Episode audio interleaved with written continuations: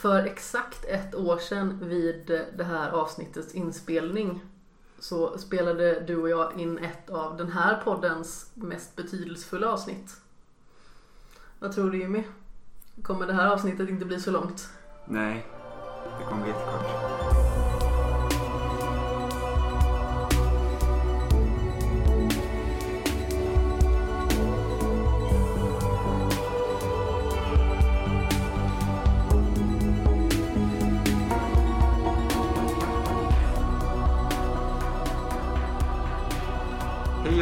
Välkomna till den femtionde avsnittet av Skämshögen med mig Amanda Sten. Eh, Vänta nu, det är det inte. Det är mig Jimmy Seppele, men jag sitter här med Amanda Sten för att vi ska avsluta hennes decenniets speltopplista med hennes 50 bästa spel de senaste 10 åren. Jag gillar ändå om någon hade liksom undrat så här, ja ah, Amanda har bytt röst. Ja, Amanda låter så här nu. Gud vad hemligt det här har varit. Ja, eller inte. Alltså jag tycker förvisso att din röst är väldigt trevlig sådär. Ehm, Men det låter ju inte som jag. Nu gör det Uppländsk. Uppländsk. Ja men. Det är ju inte själva rösten som är uppländsk utan det är ju själva dialekten som du har när du Nej, alla pratar med Uppland, alla. alla i Uppland låter så här. Förutom när du pratar med antingen din hund eller din familj. Då är det finlandssvenska. Ja, en försvenskad finlandssvenska dessutom. Ja, men det kan man väl lugnt säga. Mm. Och jag pratar någon eh, form av eh, ospecificerad blandning av eh, allt möjligt mellan skånska, blekingska, västgötska och ja, ingen vet egentligen. Fast det hörs, du kommer härifrån. Men tycker du det? Ja. Det är många som tror att jag kommer från Halmstad av någon anledning. Nej. Jag tycker inte heller det, det låter jättekonstigt. Nej. Det tycker jag inte heller. Faktiskt. Inget emot Halmstad. De har ganska så mysig dialekt ibland. Ja. Alltså som de flesta städer eller landskap så blir det för brett så låter det ju förbaskat risigt. Det regnar alltid i Halmstad, det är det enda jag kommer ihåg. Det, va? Det regnar jätteofta i Halmstad. Alltid när man tävlar i Halmstad så regnar det. Jaha. Mm. Ja, jag- trodde att du blandade ihop Halmstad med Borås. Borås regnade alltid i. För det ligger liksom som i en dal. Det är därför som eh, det regnar ofta där. Vad jag har förstått det som i alla fall. Nu kanske jag drar det här ur röven totalt men eh, så har jag fått det förtäljt för mig. Ja, nej jag har ingen... Jag har varit i Borås två gånger i mitt liv. Första gången var jag på bio där och vi kom ut i bion så var det en tjej som var jättefull som bara typ stod i ett dike och spydde och bara Jag spydde två gånger, woo! Och då blev jag magsjuk. Klassiskt Borås. Ja men typ, jag tror det var Borås. Jo det var det. Distansmagsjuk. Mhm. Du blev så smittad av den här personen som stod vid vägkanten liksom. Ja. Och andra gången du var i Borås.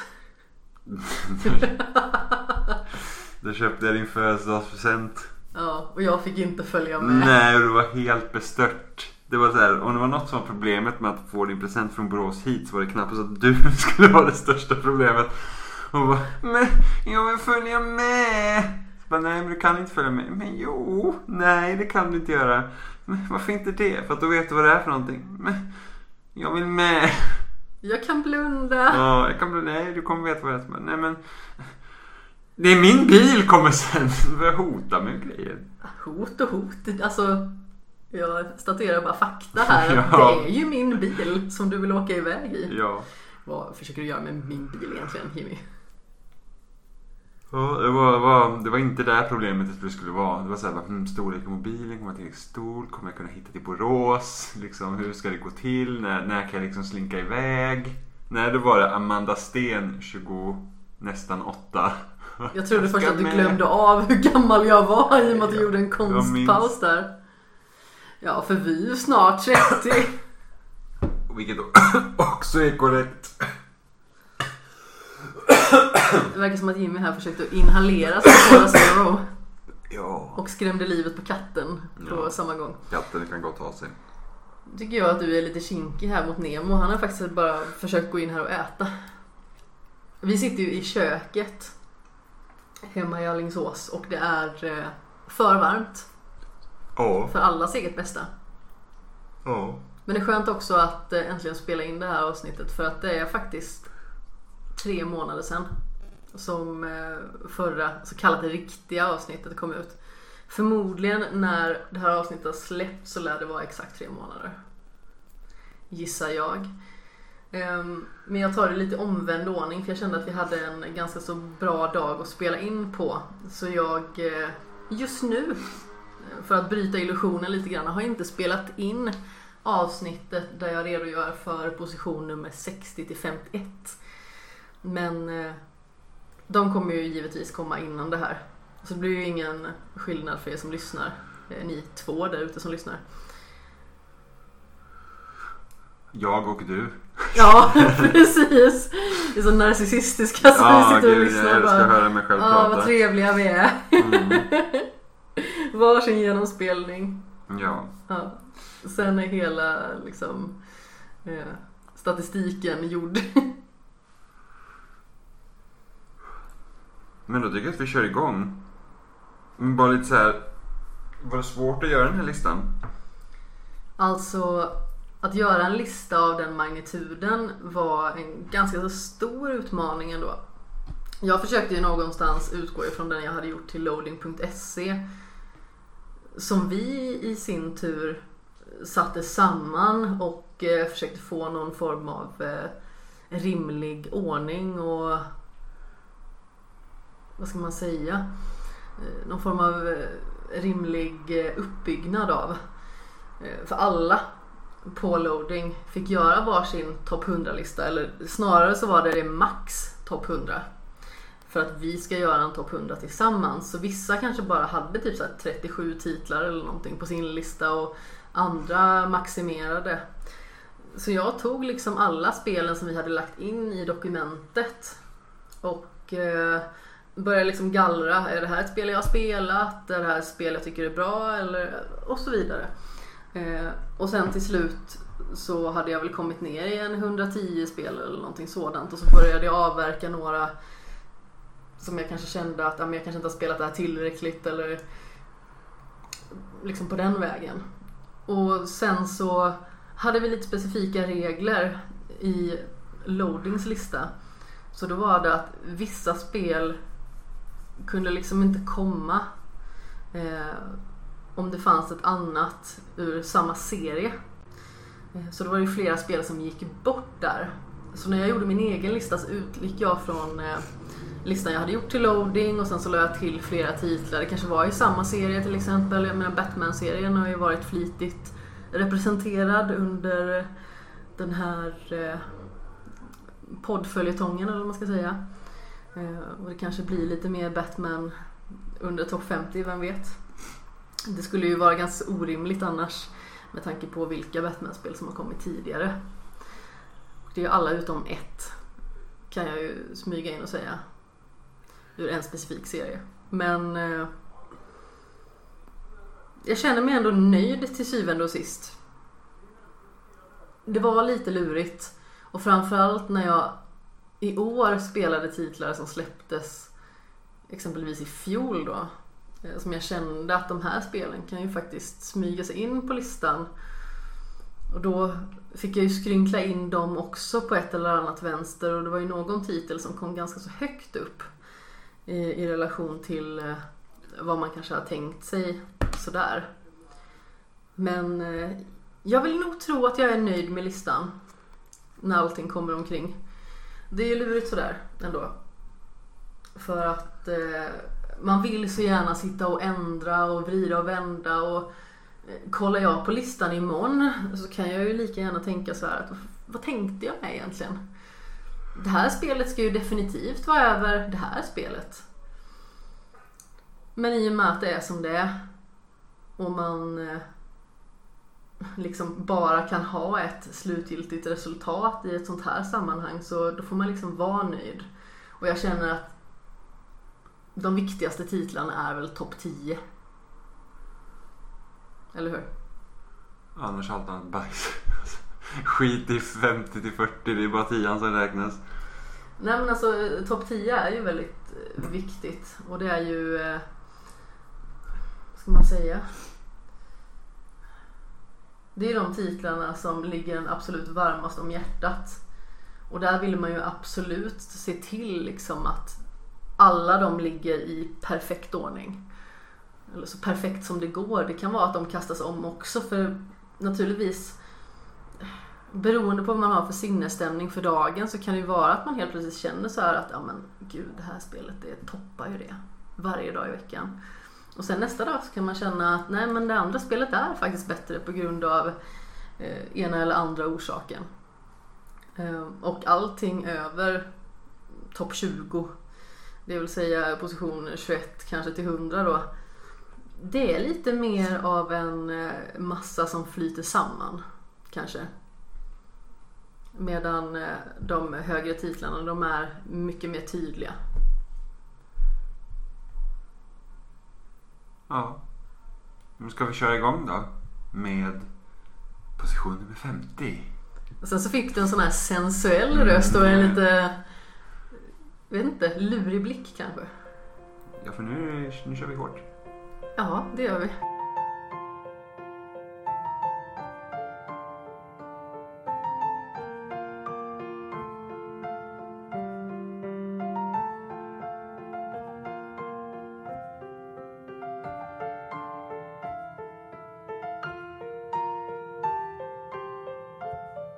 Position nummer 50. Dead Cells. Alltså jag är inte en person som gillar roguelike spel Och jag tror att det har väldigt mycket att göra med att jag gillar att ha lite kontroll. Jag uppskattar kanske inte riktigt när saker kastas om eller när man inte vet exakt hur korten är lagda. Men det här var ett spel som faktiskt äggade igång mig ganska så rejält förra året och jag kände verkligen att jag ville försöka gång på gång ta mig så långt som möjligt. Ja, nu är jag väl lite där i samma båt som dig. Att jag är inte heller så förtjust i att kastas om. Att man för, att, speciellt spel som inte sparar någon progression. Det tror jag har svårast med. Mm. Vilket ofta är vanligt för den här genren. Liksom att du kör och sen så dör du och sen får du börja helt från noll. Funkar i vissa spel, som typ Spelunky. Där i och för sig du kan låsa upp genvägar också om du hittar dem. Men, men det är liksom så att Jag har inte spelat Spelunky. jag tycker om de spelen som får liksom som Dead Cells, du, får liksom, du kan låsa upp uppgraderingen så du hamnar liksom, då får du mer vapen under det slumpmässiga brädet om man säger så. Men annars Ja. så är det... Jag är nog inte lika begeistrad i det spelet som många andra men det är fortfarande bra. Alltså det är ju ett väldigt, väldigt bra spel. Eh, som sagt, det kommer väl kanske inte högre upp trots att det är ett så pass bra spel. På grund av att det är liksom så slumpmässigt genererat. Och jag har problem med det. Och jag tror att jag har lättare att ta till mig mer linjära upplevelser. Som eh, går ut på liksom att det finns en väg att gå. Det här är berättelsen som skaparen vill förmedla eller det är liksom det här som liksom skaparen vill visa någonstans. Klarar du ut Cells? Nej, det har jag inte gjort. Jag är för dålig på tv-spel. Jag har inte heller klarat ut det. Det fanns ett fusk som man kunde, typ, som- precis när man dog och man stängde av spelet så kunde man liksom få börja vid den tidpunkten. igen. Jaha. Men det har jag inte kört. Men jag kom nog... Jag har inte kommit till sista bossen men jag är nära. Rätt så nära. Ja, nej, det var nog inte jag. Å andra sidan så jag har dålig koll på hur långt jag faktiskt kom. Nu är det så pass länge sedan jag spelade det också. Så eh, jag skulle liksom inte kunna förtälja rättvis liksom vad jag har spelat igenom. Men eh, det är ett väldigt bra spel. Position nummer fem, 40, Position nummer 49. Jag säga 59. Jag räknade uppåt och hoppade över åtta spel. Men visst. Position nummer 49. The End Is Nigh. Ja, alltså jag gillar ju den här typen av spel som är svåra på rätt sätt och är i tvådimensionell vy. Jag tycker att det är väldigt svårt att navigera mig i liksom, tredimensionella spel som till exempel Bloodborne eller Dark Souls. För det känns som att jag har så dålig koll. Men när det är i 2D så blir det lättare för mig liksom att eh, genomföra det hela. Och D&D Snai är ju ett sånt här spel som är väldigt klurigt på sina håll. Och eh, jag började ju spela igenom det själv och spelade nästan hela. Och sen så spelade ju faktiskt du och jag ut det tillsammans. Ja. Och det kastades ju en del eh, ord som inga barn borde höra under den genomspelningen. För att det var så pass svårt. Ja. Det var nog mest från dig för att jag är ganska envis när det kommer till den här typen av spel tror jag. Men jag tror det på lite hur, det spelas. Och som typ Celeste och Super Meat Boy är sådana spel som jag kan liksom sitta och nöta. Men jag tror att jag vet inte, sättet man styr den i Snai på är inte riktigt... Jag tror inte riktigt vad, vad liksom... Jag föredrar om hur Super Meat Boy känns framför det här. Ja, alltså det känns ju lite mer strikt kanske man skulle kunna säga för att just själva styrningen i D&D Snai kan kännas lite sladdrig kanske. Alltså han är ju en blob den här karaktären. Mm. Och eh, kan vara lite svårkontrollerad på sina punkter. Men eh, det är ändå ganska så tight i relation till väldigt, väldigt många spel. Jag kan ju aldrig känna någonstans att åh nej, jag kommer aldrig klara det här. Utan att jag fortsätter att kämpa tills jag har tagit mig förbi den där elaka sekvensen eller vad man ska säga. Mm. Vi går vidare. Eh, position nummer 48, Lonely Mountains. Det här var ju så roligt att spela igenom alla banor på. Jag har väl aldrig kanske riktigt varit en, racingspelare av något slag men just det här konceptet, du börjar högst uppe på ett berg och du ska med cykel ta dig ner till liksom en specifik tältplats. Det är så himla roligt. Och alltså sätten man kan dö på och de här genvägarna man kan ta och man liksom känner hur man blir skickligare och skickligare. Precis som vilket annat, kanske lite svårare spel som helst så går det väldigt fort att återgenerera karaktären. Och det är väl det som får en att vilja fortsätta nöta och vilja ta alla banor och utforska varenda liten millimeter som det här lilla spelet har egentligen. Och då är det ju så att man har ju en genomspelning när man bara får känna på hela banan. När man är försiktig och liksom ser var alla elakheter kan finnas för någonstans. Och sen så kanske det finns en tidsutmaning eller det kanske finns något annat som man ska utgå ifrån. Till exempel att man inte ska krascha över ett visst antal gånger för att man ska kunna låsa upp andra färdigheter eller cykeldelar och sådant. Och det är väldigt roligt. För då får man liksom ett väldigt anspråkslöst första varv, liksom att bara känna på det. Och eh, sedan så får man eh, testa vad man har lärt sig utav det. Jag tror det mest spännande med det här spelet egentligen var att för att typ några av mina favoritspel på 360 är Trials HD och Trials Evolution. Där man liksom kör motorcyklar på en bana. Men till skillnad från det här, ett, du ska ta dig ner för ett berg och två, det finns inte en utstakad väg du ska ta. Utan du har ju liksom egentligen, du startar vid en punkt och sen ska du till en annan punkt och sen så finns det massa genvägar och sånt du kan ta. Alltså, det handlar ju väldigt mycket om att använda sin egen kreativa förmåga och lite grann känslan kring vad kommer fungera när jag ska Ja. ta mig ner här. Och också cykelns förmåga som du har. Sen finns det olika cyklar som klarar Ja. olika saker. Och också veta liksom att är det för brant här eller hur ska jag kunna ta den här grejen och jag kan skippa den här svängen och hoppa ner här istället. Ja. Sen så är ju cykeln lite kinkig ibland. Det kan ju vara att man eh, dör för vad man tycker är ingenting och sen så kan man ju liksom ta världens fall och eh, studsa mot både det ena och det andra och bara allt är bra, ingen fara. Så Ja. vinkar man och går vidare. Men just en grej med de här spelen också är att du säger att man kan starta om när man, på en gång. Mm. Gör också att då spelar det ingen roll att det är lite svårare för att då liksom du är direkt på banan igen.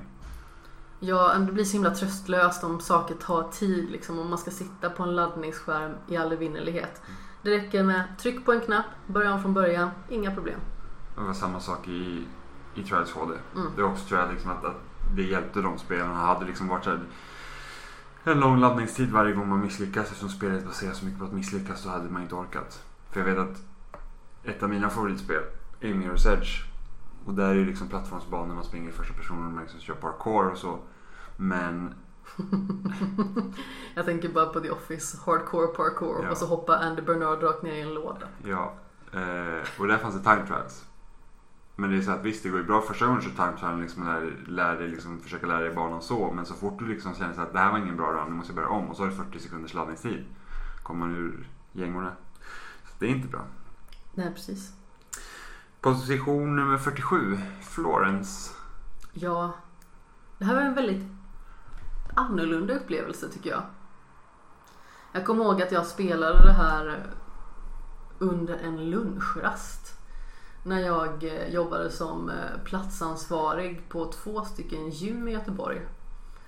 Så då gick jag på en thai-restaurang i närheten av mitt jobb. Satte mig och från början till slut spelar igenom det här spelet.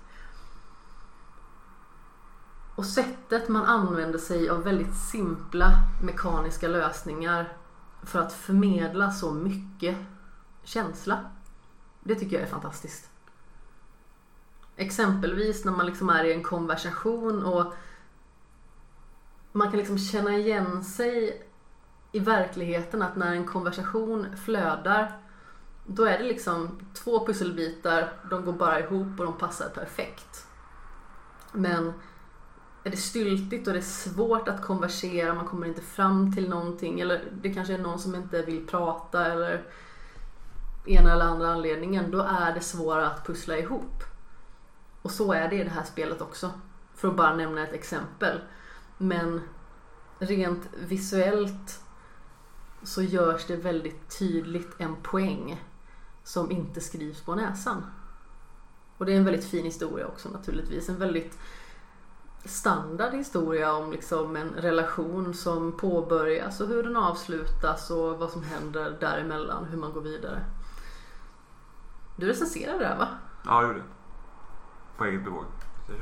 Ja, Eh, början av 2017. Kan vara. Jag minns inte exakt. Det var då jag spelade det här vill jag minnas i Ja. alla fall. Det kan vara att eh, det kanske kom året innan till och med. Nej, 2017 eller 2018 är det. Jag vill... Oh, förlåt. Nu är jag ute och cyklar. Det är 2018 jag syftar på. Eh, Ja. för att jag jobbade som platsansvarig 2017 mars till 2018 Nej, det är nog, mars. det är nog 2018.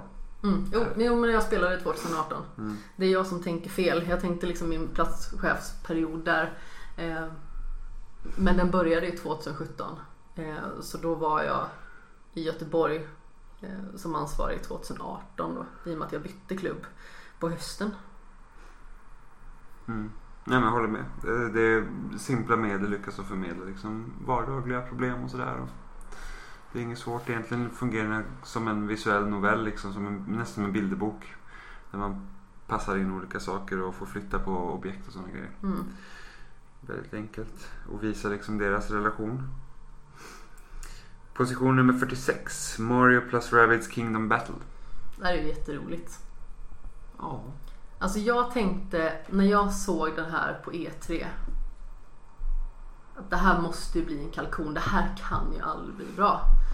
För det kändes som en sån märklig uppblandning av två stycken saker. Men liksom alla kombinationer är så missmatchade att det funkar på något vis. Och just alltså, strategispel som är så pass lekfulla och annorlunda, det finns det ganska så få känns det som. För jag tycker att många strategispel har liksom en tendens att bli lite gråa och träiga.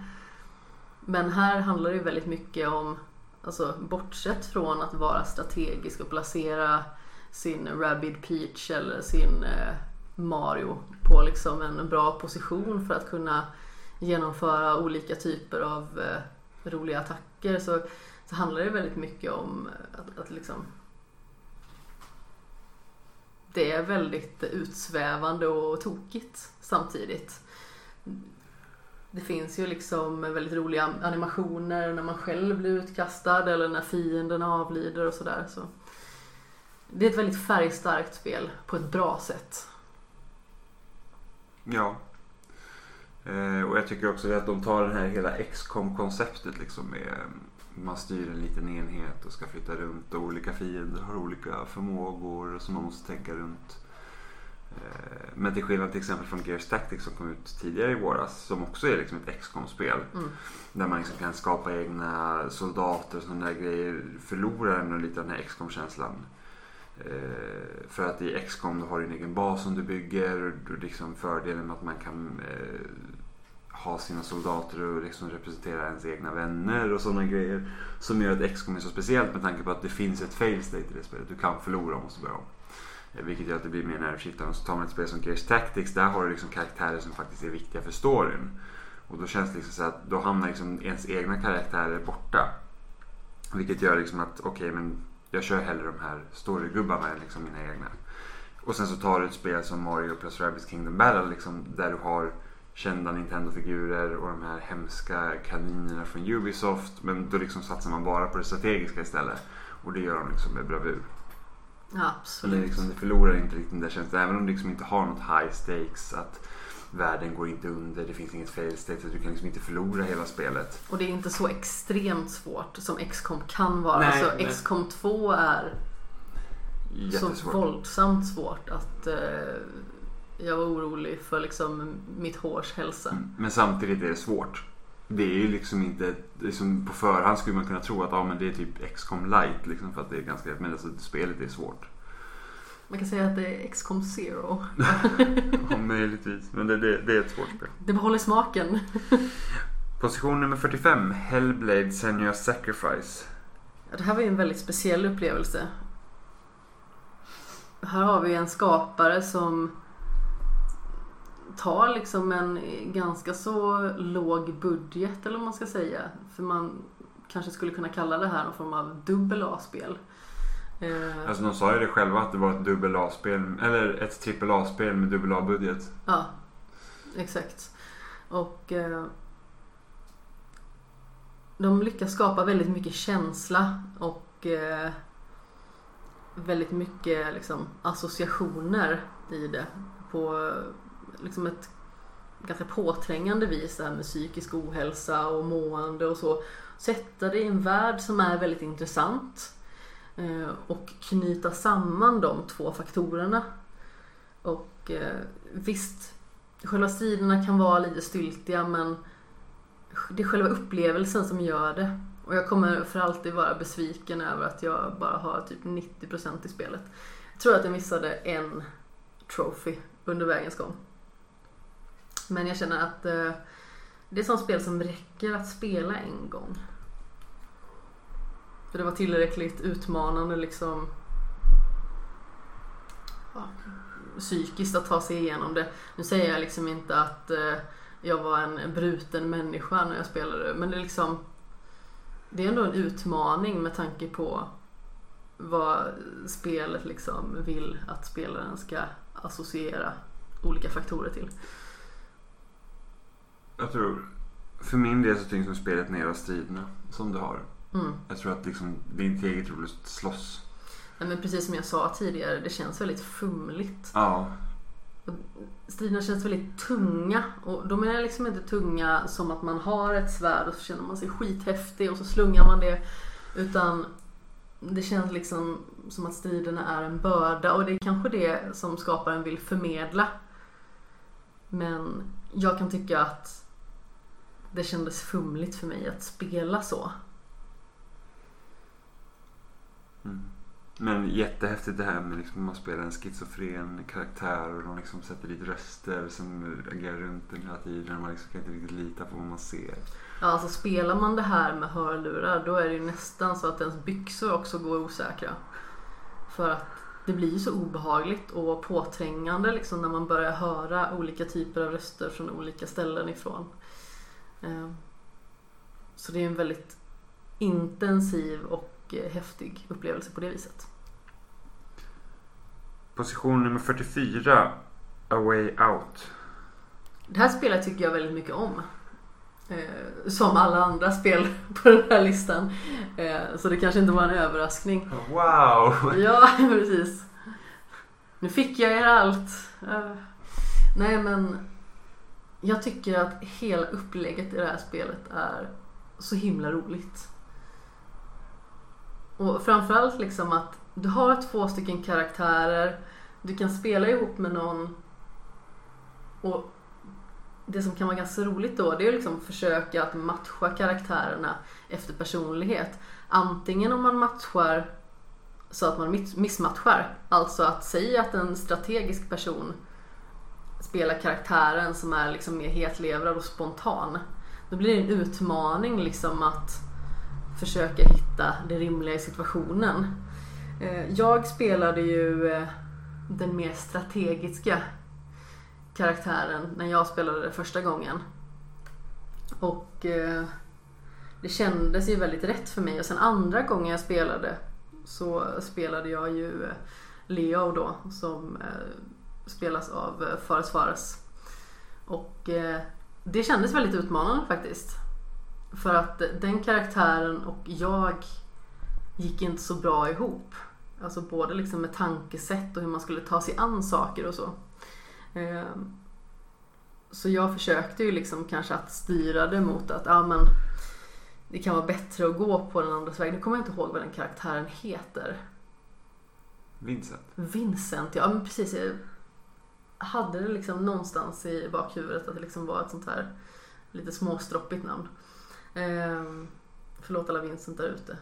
Ehm, men väldigt intressant idé också. Och sen, eh, nu vill jag spoila det här spelet lite så har man eh, inte spelat A Way Out så håll för öronen en liten sekund så ska jag bara säga vad jag tycker är spännande. Det är att karaktärerna ställs mot varandra när man har varit på samma sida under hela spelet. Jag tror det jag tycker är roligaste med liksom fokuset med det här spelet är att du spelar två karaktärer som båda spelar roll för storyn. Ja. Att du, du kan ha två spelare och det är liksom, ni är faktiskt två olika karaktärer. Ja. Eh, något som jag också uppskattar till exempel med Gears of War är det att man är två olika karaktärer. Och det är någonting som jag önskar att spelutvecklare gjorde mer med. För att som det är just nu, liksom, spelar man co-op i spel idag så är det liksom om man tar typ Destiny liksom och The Division och sådana grejer. Då är man, man är en avatar i den här världen men det spelar inte så stor roll vem du är. I Destiny så är alla den utvalde. Ja. Alla får ju spela liksom samma grej om man spelar själv. I, I The Division så är man ju en agent liksom. Som visst, som är bara namnlös egentligen soldat i den här världen. Men samtidigt spelar du själv så ni går ju alltid igenom samma uppdrag. Det är inte som att det spelar roll vem du är här. Eller liksom när Ubisoft har sina andra spel, så när man kunnat spela co-op i Assassin's Creed eller Far Cry så kommer du bara in dit. Men du är ingen karaktär i den här världen. Du är bara någon till som kan skjuta liksom saker. Men just att man liksom har ett sätt, okej okay, men du spelar som Vincent. Eller du spelar som Leo. Så är du Leo eller du är Vincent. Mm. Du är inte en till Vincent eller en till Leo. Eller som att ni får göra samma saker utan då, då får man göra olika. Och det är någonting jag hade önskat att fler gör. Ja. När det kommer till co-op-spel. Att, att, att säga vad man vill om Dead Space 3 till exempel men det är en annan upplevelse beroende på vem du spelar där. Isaac är ju liksom psykiskt sjuk så han Mm. ser ju syner och sådana grejer som Ja. inte den andra karaktären får se. Ja, och sen just det här i Way Out att precis som vi nämnde med att de ställs emot varandra. Från den punkten så kan spelet få två väldigt olika utgångar. Och att det liksom finns de två möjligheterna. Det blir väldigt snyggt också. Alltså framförallt så kan det bli väldigt förödande för en själv. Om det är ens egen karaktär som eh, man mister i slutet. För det är ju så liksom att det är bara en av dem som kommer att överleva till slut. Och eh, när man då liksom får själva slutscenerna och ser vad som händer. Nu har jag fått se båda två. Eh, genom att jag har spelat båda två. Och då kändes det verkligen som att det blir så himla olika öden. Och jag uppskattar verkligen det. Jag tycker att det är ett väldigt underhållande spel men också det har lagt ner så mycket kärlek på liksom, referenser och roliga saker som man kan hitta i spelet utan att det liksom är för mycket. Det är liksom inte påträngande utan det är så här att men ser du det här då kanske du kommer bli glad. Alltså det finns en eh, Oldboy-referens till exempel som jag har nämnt tidigare. Där eh, Leo slåss med en lampa. Där man får liksom se själva striden då ur en tvådimensionell vy. Och eh, det är väldigt läckert. Ja. Position nummer 43. Gone Home. Jag var helt övertygad om när jag spelade det här spelet att eh, någonting skulle skrämma skiten ur mig. Det var så här att jag eh, för fyra år sedan måste det vara nu, midsommar, firade midsommar själv. Det fanns liksom ingen i min närhet som, eh, som var tillgänglig på något vis utan jag var helt själv. Jag gick på ensam bio på dagen. Jag hade en klient under midsommar eh, som också var en vän då och eh, hon hade inte heller någonting för sig. Så då tränade jag henne, sen gick jag på bio, sen åkte jag hem och eh, under midsommarnatten så startade jag Gone Home. Och jag vet att folk liksom har sagt att det är liksom bara en eh, walking simulator, eller vad man ska säga. Men det kändes liksom så himla påträngande som att det är någonting som kommer att skrämma en och det är lite tjusningen kan jag tycka med det här spelet också för det känns så himla ödesmättat. Och det känns verkligen att man kommer in till ett hem som är sargat och döljer liksom en, en, en hemlighet.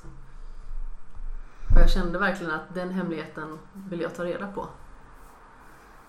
Och som tur var, för jag började befara det värsta. När man började liksom, jag tror att man, det är väl i slutet man tar sig upp på vinden va? Ja. Där befarade jag det värsta för nu tänkte jag att nu är det mardrömsscenario på gång. Men eh, som tur var, var det inte så. Mm, spelet leker hela tiden med de förväntningarna. Just när du kommer dit, det är Oscar, liksom, det är ett mörkt hus. Alltså, man tror, alltså, jag hade ingen aning vad det var Väggarna för spel. skakar ju bokstavligen. Ja, jag hade ingen aning vad det var för spel när jag spelade här. Utan jag såg bara att folk snackade om det. Liksom, Mm. Att "Åh, alla ska spela det. Jag köpte det bara så bara, är det här ett skräckspel? Tänkte jag. Och liksom var själv hemma och det var liksom mörkt ute också. Så Samma här. jag liksom bara shit. Det finns ju faktiskt ett jumpscare i, i spelet. Det är när lampan spräcks när man ska gå ner till källaren. Just det. Det är typ det värsta. Sen kan man ju ställa in till att man ska ha alla lampor tända. Men något av det värsta jag vet. Jag ställer ju väldigt sällan in saker. Så eh, Men liksom stort mörkt hus. jätteläskigt faktiskt. Ja, men det är samma sak. Jag som är uppvuxen i stora hus liksom, tycker även det är liksom så att typ att nu är det lite mörkt och så ska man gå ner till nedervåningen och det finns ingen lampa tänd och så kanske man inte kan tända lampan från övervåningen och det är usch, hemskt. Eh, position nummer 42, Rise of the Tomb Raider. Ja, det här spelade jag ju direkt efter det första spelet. Och det kändes som att det både liksom var större men också bättre på något vis. Det kändes som att de hade tagit allting i den definitiva versionen av första spelet och eh, bara gjort allting mycket mer polerat. Och eh, liksom själva omgivningen som man befinner sig i är liksom väldigt slående. Så jag uppskattade det spelet väldigt mycket och jag tycker att det är roligt där fortfarande att spela som Lara Croft. Jag vet ju att eh, när jag spelade igenom Shadow of the Tomb Raider så var det många gånger som jag kände att det här är inte så roligt att spela. Och det var väldigt synd för jag hade liksom sett fram emot det när det kom. Men jag känner att eh, det är liksom det starkaste kortet i den trilogin. Och eh, gillar man äventyr och pilbågar och klättring så är det liksom ett spel som, som man bör spela. Position nummer 41, What Remains of Edith Finch. Också en väldigt udda upplevelse kan jag tycka. Det är väl samma skapare som har gjort Gone, Gone Home va? Nej. Är det inte det? Det är samma studio som har gjort eh, The Unfinished Swan. Just det, det var så det var ja. Eh, Och eh, Unfinished Swan är väldigt eh, unfinished för mig. Det är ett spel som jag aldrig har spelat klart. Samma här, för jag tyckte inte att det var speciellt bra. Ja, jag fastnade någonstans och sen så var jag liksom inte intresserad av att eh, fortsätta. Men eh, Men det, det roligaste med Unfinished Swan är att det spelet är det som fick mig att bli vara intresserad av mindre spel. Mm. Och inte från att när det släpptes 2012 2011 Unfinished Swan kom. Men jag tror första gången jag hörde talas om det kanske var 2007 eller 2008 i Superplay. När man bara fick se liksom en bild på liksom, ja här är ett spel där världen är helt vit och du kastar färg på den för att kunna ta dig fram. Och det var liksom bara så, åh vilket spännande koncept. Och det var liksom Ja. då jag började leta mig bort liksom, och börja kolla liksom vad, vad, vad det finns för andra spel istället för liksom bara kolla på eh, det största och liksom mest marknadsförda. Liksom. mm, ja, konceptuellt har det ju verkligen någonting. Ja, sen tycker jag inte att spelet är speciellt bra. Men det är en annan sak. What Remains of Edith Finch däremot tycker jag är ett fantastiskt spel. Mm. Varför tycker du det? För att det, jag tycker om det här konceptet med att du har den här familjen där alla dör. Liksom, och sen så får man typ se deras sista liksom, stunder i livet. Ja, I princip. Och, och liksom de, de, de, leker, alltså de leker på ett sätt som bara är möjligt liksom, i spel. Att man får liksom spela olika sekvenser. Du har liksom så här att men här kommer liksom en storm och sen så får man liksom spela liksom det, man, man får, om jag minns man får flyga liksom en drake. Och så får man liksom radera ut liksom grejer. Så att, att, att det är väldigt Du tar vara på spelmediet på det sättet att det är ett visuellt medium men du har liksom också från andra delar, liksom, du har både ljud och du har både text. Så att man kan liksom göra olika saker med det och varenda liksom människa Alltså varenda del i, i spelet liksom representerar något olika. Liksom till exempel en, en av de mest speciella sekvenserna var där när man får spela som ena brodern som arbetar. På, precis. Och då liksom att han, han har också väldigt livlig fantasi. Så att då ska du, du ska liksom stå och hugga fisk samtidigt som du går igenom ett rollspel. För det är det han liksom fantiserar om. Och liksom ska representera hur han dör sen. Så det, det är sådana grejer ni gör som är väldigt speciella. Och det är bara möjligt i spel. ja alltså att kunna framföra något på det viset som det här spelet gör, det är ju väldigt specifikt. Precis som du är inne på. Och eh, de tar ju till väldigt intressanta medel för att eh, ja, men, visa så mycket som möjligt av eh, den här familjen på väldigt olika vis. Mm. Och framförallt så det väcker väldigt mycket känslor hela vägen. Ja, men det är ett, ett, ett jättebra spel.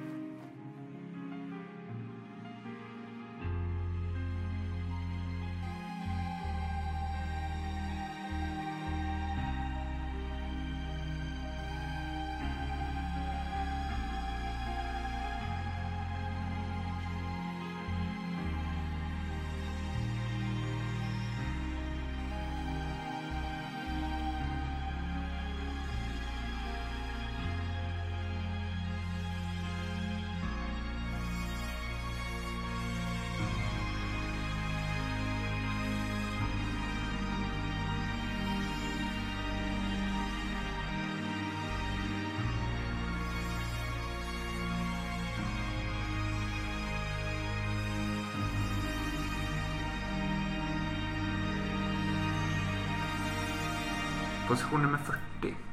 Gris. Ja, det här spelade jag klart i år. Det var det första spelet som jag klarade 2020.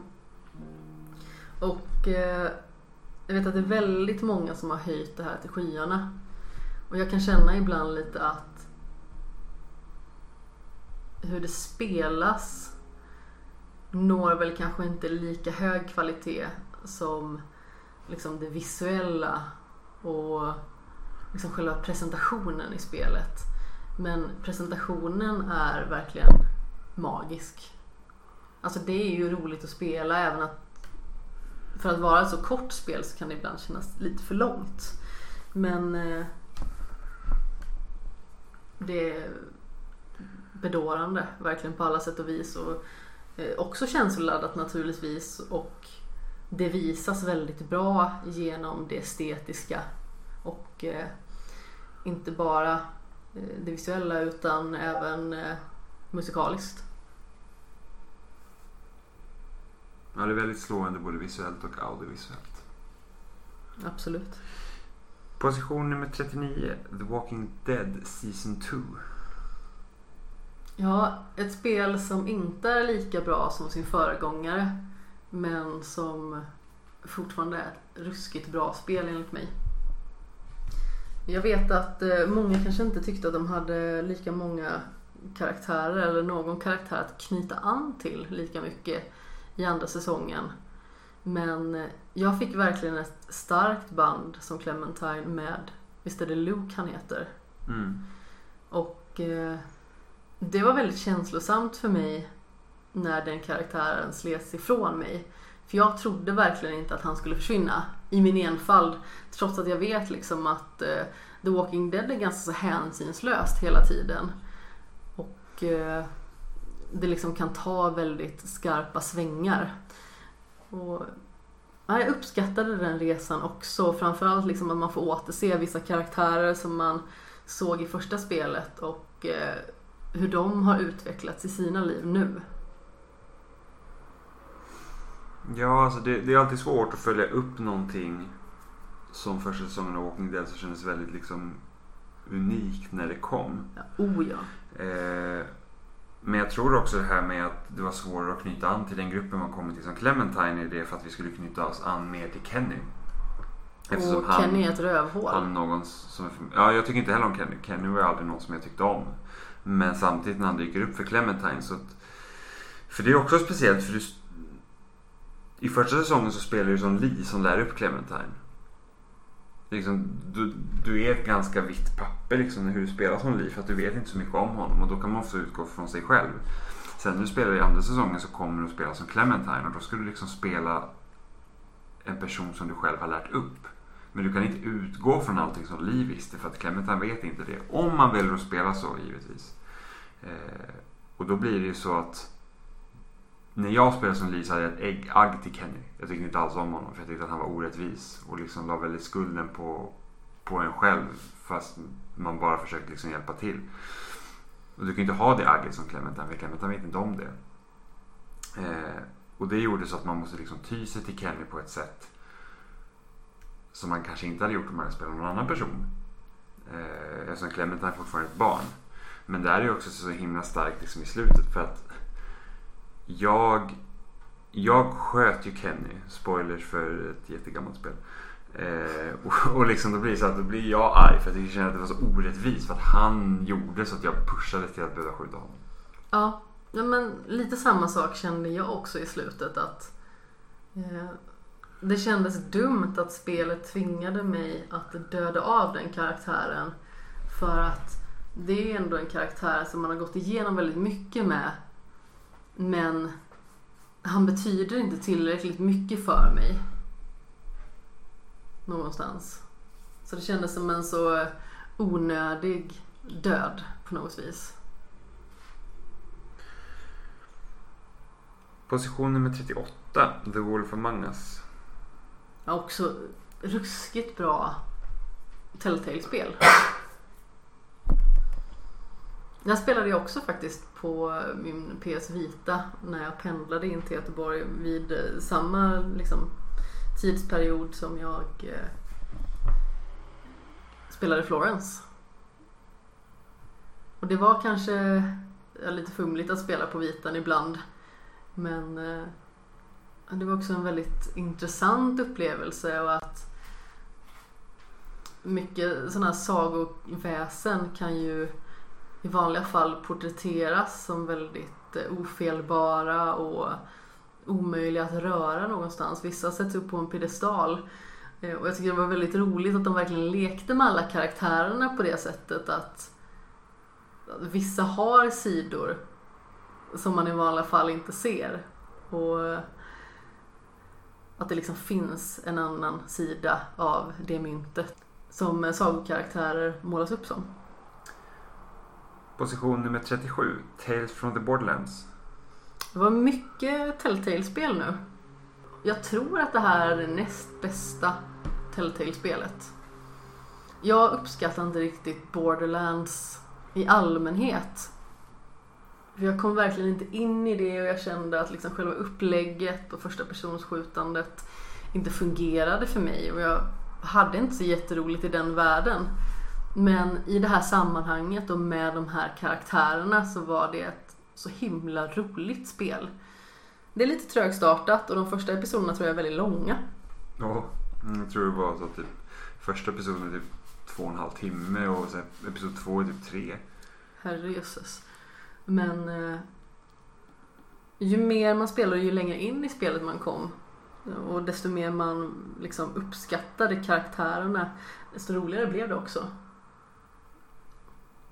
Ja, och det lyckas ju ändå med att, att Borderlands som serie är ju liksom så här att visst det finns ju en story där men det är liksom inte som att man har så här åh den här karaktären bryr sig mycket om eller liksom att berättelsen kanske inte tar sig själv på så stort allvar. Medan Tales from the Borderlands verkligen tar hela det här universumet och lyckas göra liksom en berättelse man kan bry sig om. Och någonting som jag tycker absolut att det ska ha cred för att det tar också att en relation mellan en manlig och kvinnlig karaktär och gör det inte nödvändigtvis romantisk. Utan det handlar om vänskap. Vilket jag tycker är så himla sällsynt i medier överlag. Ja, absolut. Det känns som att man lite för ofta spelar på den här liksom heterosexuella romansen. Och det kan vara lite tröttsamt för det känns som att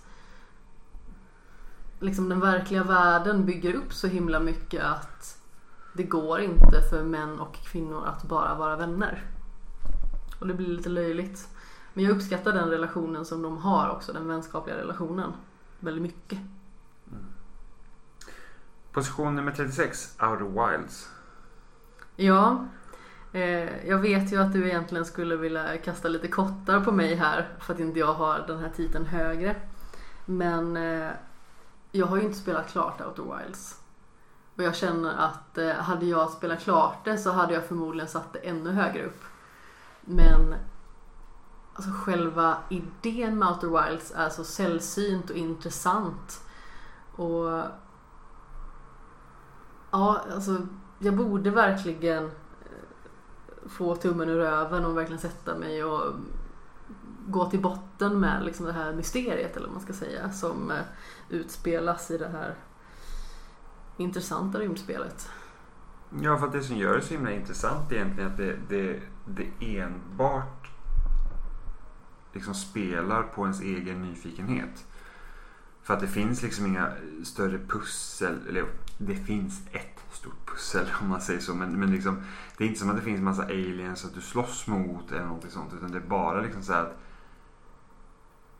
hela det här lilla solsystemet är öppet och du kan gå lite vart du vill och du har en liten, liten liksom, vad ska man säga, anteckningsbok du kan liksom gå efter. Liksom att här är någonting som jag inte vet och här finns det fortfarande hemligheter kvar. Så det enbart baseras på att du är nyfiken och vill veta mer. Mm. Eh, och sen är du fast i någon liknande Groundhog Day där liksom det här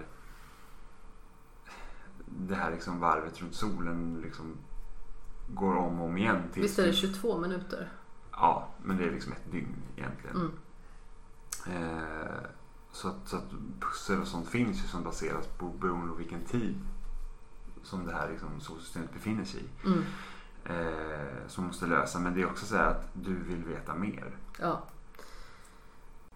Det som är lite frustrerande i det här spelet däremot, som spelet får lite minus för, det är spelmekaniken. För eh, att styra farkosten, alltså det är något av det mest fumliga som jag någonsin har försökt mig på. Jag känner att jag vet inte liksom vad jag ska göra med mina tummar för att få det här att gå bättre.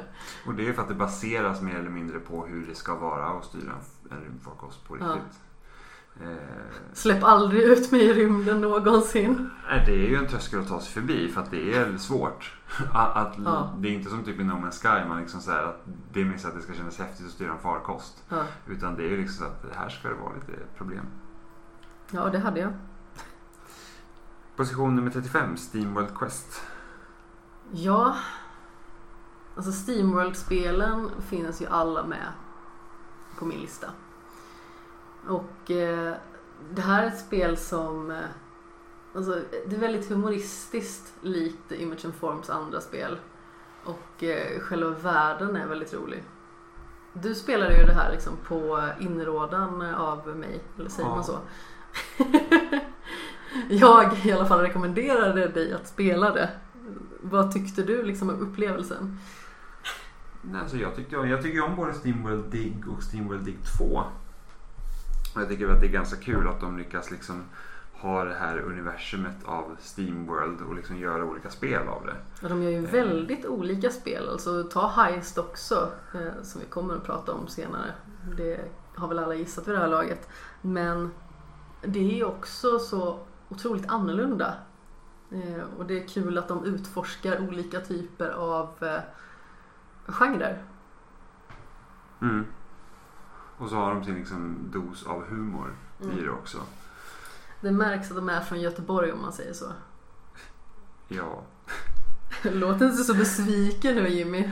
Tänk på vart du befinner dig rent geografiskt just nu. Jag vet. Stor sorg. Mm. Eh, nej men det, det är ju så kul att de kan liksom testa olika grejer och att de liksom har den här lilla humorn och väldigt liksom så här simpla eh, spelmekaniska grejer som de ändå liksom lyckas ha. Det är inte allt för komplicerat men det är liksom inte heller för simpelt för att man ska liksom tycka att det är tråkigt. Utan det finns liksom saker man kan experimentera med. Och det var väl egentligen det jag hade problem med spelet när jag började spela. Jag kände att okej men nu har jag liksom spelat två timmar och det liksom blir inte mer. Men sen när man kommer in mer i Mm. det så, så liksom lägger de till nya saker som gör att det är ganska spännande. Ja, alltså det är ju spel som är lätta att lära sig. Men kanske desto svårare att mästra när det liksom börjar brinna i knutarna. Position nummer 34, Monument Valley. Ja, det är så vackert spel det här. Och jag kan liksom inte för mitt liv begripa hur någon någonsin Eh, skulle vilja argumentera för att det här mobilspelet ska vara gratis. Det känns så befängt och att det är verkligen värt den summan pengar. Det här har varit värt mer naturligtvis. Och just hur det här spelet är uppbyggt, alltså både liksom rent grafiskt så är det ju slående vackert i sin enkelhet. Men det är också så himla intressant mekaniskt, alltså med alla de här optiska illusionerna som man eh, tar sig igenom för att klara banorna. Jag tycker att det är väldigt eh, beroendeframkallande och eh, ganska så meditativt ändå. Man kände aldrig i spelet liksom att okej min hjärna håller på att gå sönder nu i de här pusslen.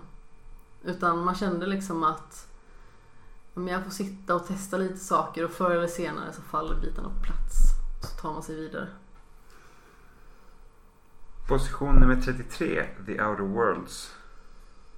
Väldigt roligt första persons skjutarspel. Jag är ju liksom ingen person som eh, gör sig bra i liksom den genren. Men eh, hur hela världen är uppbyggd och liksom berättelsen som är så intressant ändå. Eh, det fångade mig verkligen. Och det är också ett sånt här spel som känns väldigt sorgligt att jag liksom inte har blivit klar med det. Det är väldigt många titlar som det sker så för, alltså med mig. Just på grund av att liksom, det kanske kommer ett recensionsspel i vägen och sen så ska man liksom hitta tillbaka till sitt momentum och sen så kommer det ett nytt spel som man vill testa. Och jag är lite problematisk på det sättet att jag eh, jag har lite svårt att eh, låta någonting hela tiden behålla min uppmärksamhet under liksom en lång tid. Utan eh, jag måste verkligen så här, tvinga mig in i en upplevelse och verkligen se till att jag slutför den. Eh, det är mycket simplare med en film eller en serie. För då gör det liksom sig själv. Men när man spelar så är det ändå ett större antagande. Eh, antagande, varför säger jag antagande? Det gjorde jag i spelsnack också. Det är ett större åtagande.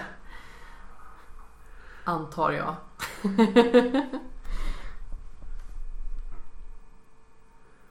Framförallt så måste jag bara säga rent visuellt också. så himla vackert. Alltså när man kommer till Terra 2 och bara liksom ställer sig på en klippa och blickar ut över horisonten och man ser de här planeterna som blir väldigt tydliga på stjärnhimlen och norrsken och dylikt. Alltså, jag hade kunnat stå där och kolla hur länge som helst och bara se hur stjärnhimlen förändras. Det är så fascinerande och vackert på en och samma gång. Position nummer 32, Ori and the Blind Forest. Det här är nog det spel som har gett mig mest ont i rumpan av alla spel någonsin. Och jag vet liksom inte riktigt eh, om det är kanske en eh, utmärkelse man vill ha. Du såg väldigt konfunderad Ja, jag förstår inte liksom hur så Du här... bara såhär, stoppar du in kontrollen? Det ska du inte göra. Ja, inte riktigt. Men jag förstår också inte riktigt kopplingen till ont i rumpan. Nej, det var nämligen så här att eh, jag och min eh, kära kompis eh, Tobias Andersson från Svampriket skulle ta ytterligare ett Metroidvania och spela igenom det. Och när vi kollade på How long to beat så såg vi att det var, jag tror att det var 8,5 eller 9 timmar eller någonting i den regionen. Alltså till att börja med så hade vi teknikstrul initialt. Så bara där så satt vi och datorn krånglade och programvaror och så meckade med oss. Och då blev vi naturligtvis lite purkna och sen så när vi väl var igång då visade det sig att eh, det var verkligen i runda slängar de här nio timmarna då. Vi var klara efter, jag tror att det var 13 eller 13 och en halv timme i en sittning. Jag reste mig upp tror jag för att gå på toa någon gång och eh, jag reste mig upp för att gå och köpa mat så att inte vi skulle svälta under den här livesändningen. Ehm, vi var ganska så brutna som personer efteråt också. Väldigt eh, trötta. Vi hade liksom planerat att vi skulle sitta liksom och umgås och, och prata och sådär. Eh, som vi så lätt gör. Jag vet när vi spelade in eh, livesändning av Luigi's Mansion till exempel. Då slutade den vid 12 på natten och vi satt upp och pratade till klockan 6 på morgonen. Men eh, båda var liksom så himla överens om att nej nu får det vara nog, nu ska vi sova. eh, och eh, jag körde ju hem till Alingsås och eh, var halvt tillintergjord och Tobbe la sig och sov i soffan tror jag. Eh, hemma hos sig. Men det var, en, det var en väldigt rolig upplevelse alltså, naturligtvis när det blir en sån grej och det var väldigt roligt för jag tror att det var Glenn Ahlström också som eh, håller till på Svampriket han också som eh, bara frågar så här, varför syns inte Amanda i bild? Ska det liksom vara meningen? Och då var det nämligen så här att vi hade inte beräknat att det skulle ta så lång tid och jag skulle skriva referat för Svenska Bowlingförbundet. Eh, Och jag hade min dator med mig liksom för säkerhets skull. Men jag hade liksom inte planerat att jag skulle behöva använda den.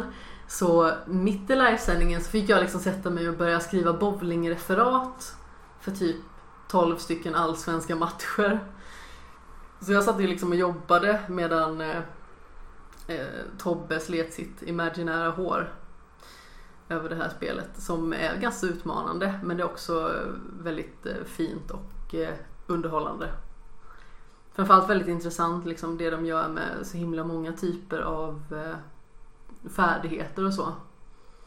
Det känns som att eh, de har tagit de bästa och finaste sakerna ur olika typer av kakor och gjort en egen kaka. Position nummer 31, Guacamele. Också ett väldigt humoristiskt spel. Eh, och väldigt roligt att spela i liksom så här kooperativt läge. Jag tycker att vi borde spela det någon gång. Eller har du spelat det tidigare? Jag spelar ettan ja. Ja, men har du spelat det i eh, co-op? Nej. Då borde vi göra det för att det är faktiskt alltså, suveränt roligt. Alltså det är ett väldigt liksom klassiskt spel egentligen liksom till sin uppbyggnad. Du har liksom en eh, ondskefull skurk som du ska ta dig an. Men under vägens gång så stöter man på så himla mycket roliga referenser och rent spelmekaniskt så är det bara så otroligt roligt att spela.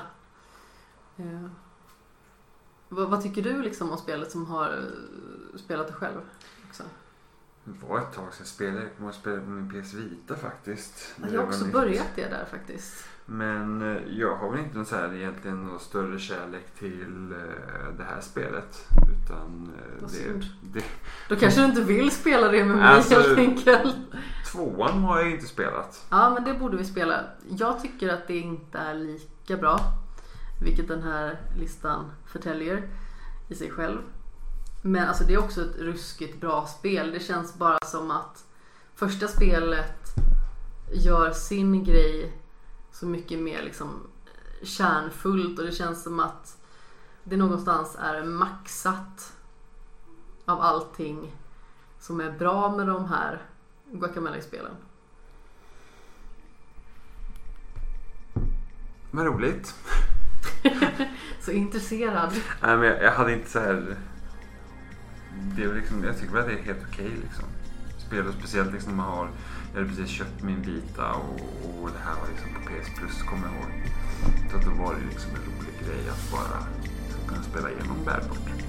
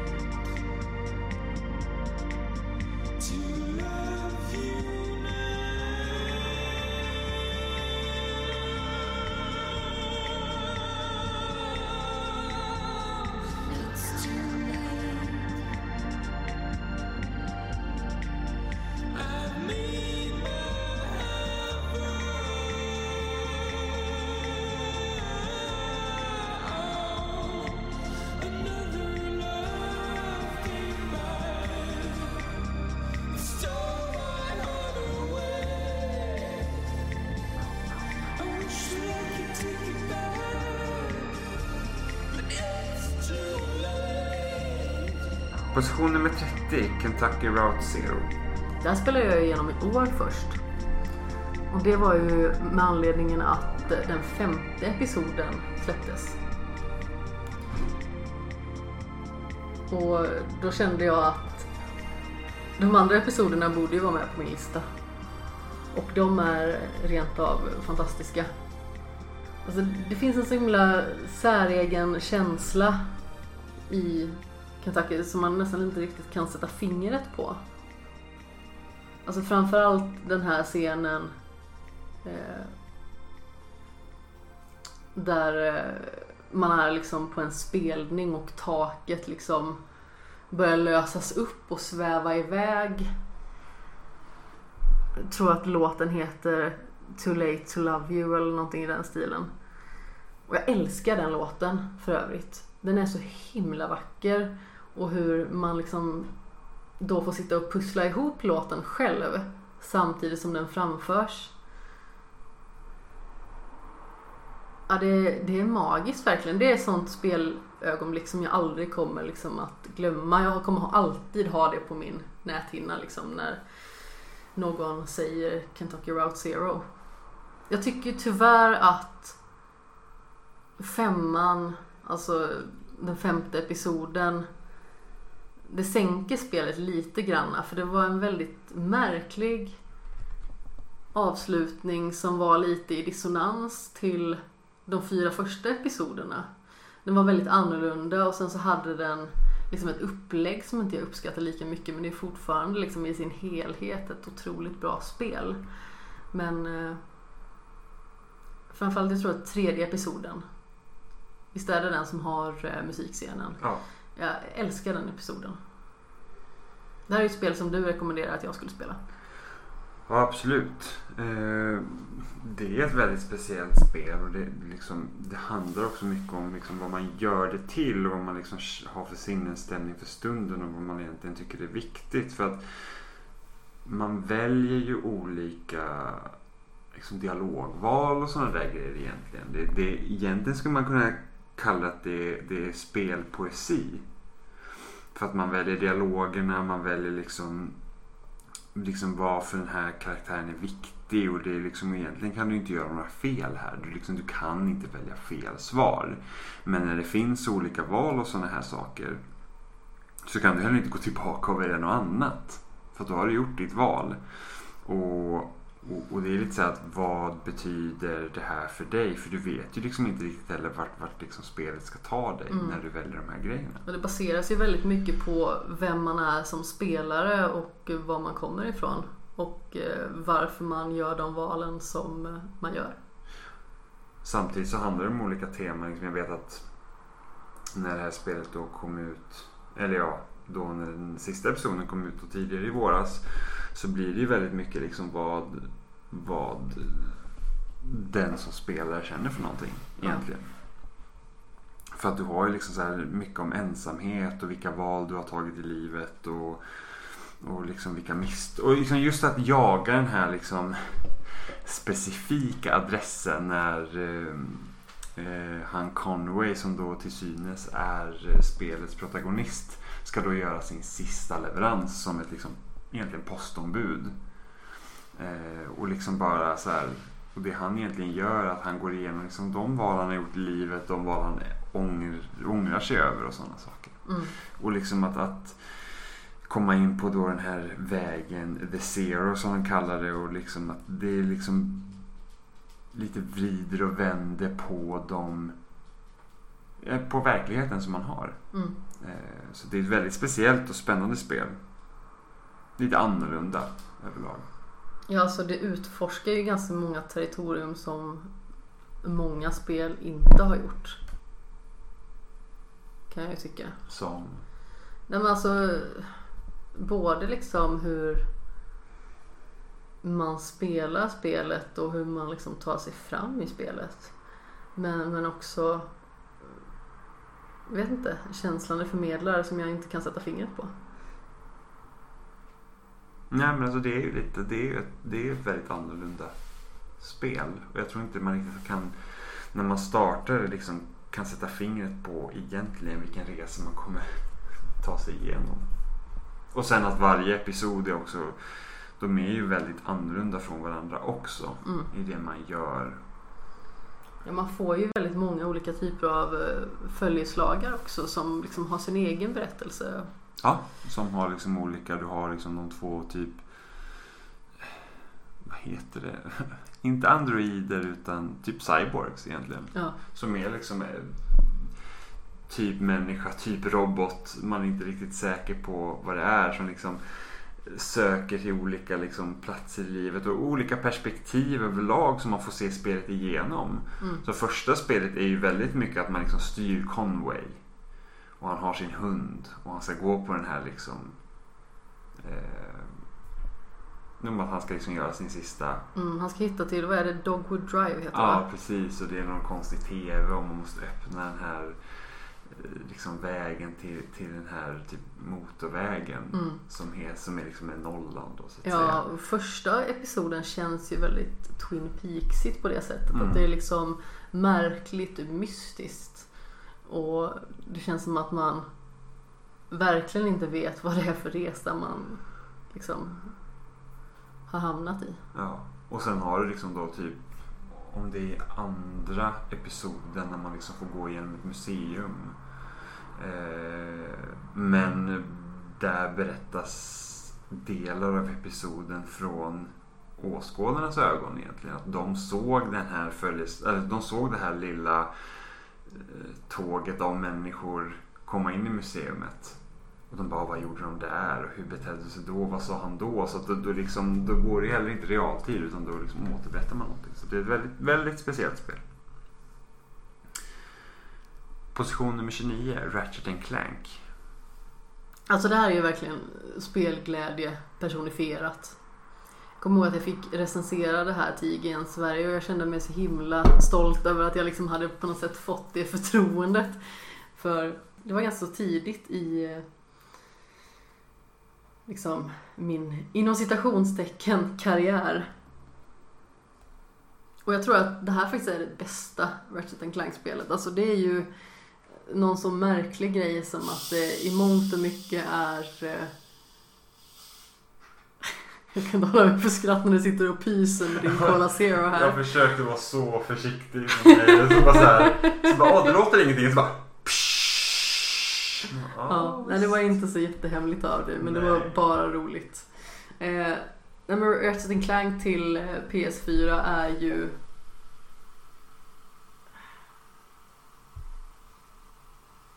Det är baserat på filmen som är baserat på första spelet eller någonting i den stilen. Det är liksom en sån eh, lustig struktur i det hela och jag tycker liksom att just det här spelet fångar allting som är roligt med Ratchet Clank-serien. Och eh, det är väldigt välbalanserat. Alltså, jag tycker ju ofta tidigare att Clank kan vara lite överflödig. Eh, alltså inte på ett liksom otrevligt sätt. Det är liksom en följeslagare man vill ha men det känns ibland som att eh, hans sekvenser är lite långa och lite för mycket. Och här kändes det som att det vägdes upp väldigt bra. Det kändes som att hans sekvenser var mer relevanta någonstans. Och eh, jag älskar ju liksom bara att samla muttrar. Alltså det är något av det roligaste jag vet. Och det, det låter ju som att det gör mig till en extremt tråkig människa. Men att gå runt och samla muttrar i Ratchet Clank efter man liksom har mulat en fiende eller slått lite lådor och sådär.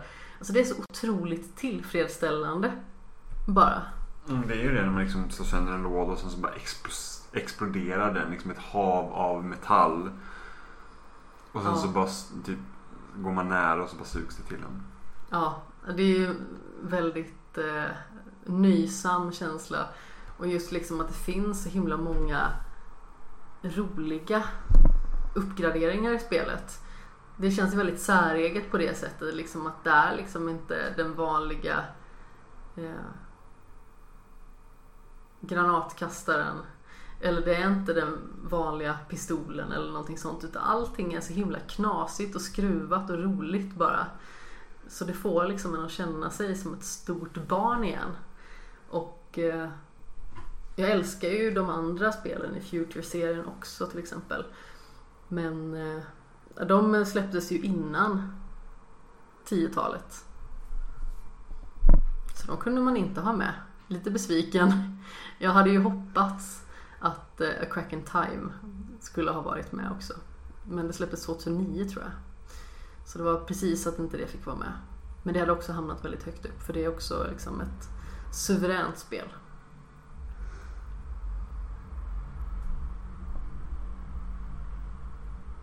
Väldigt... Eh, det är lite raggar, raggar eh, tid här i Alingsås.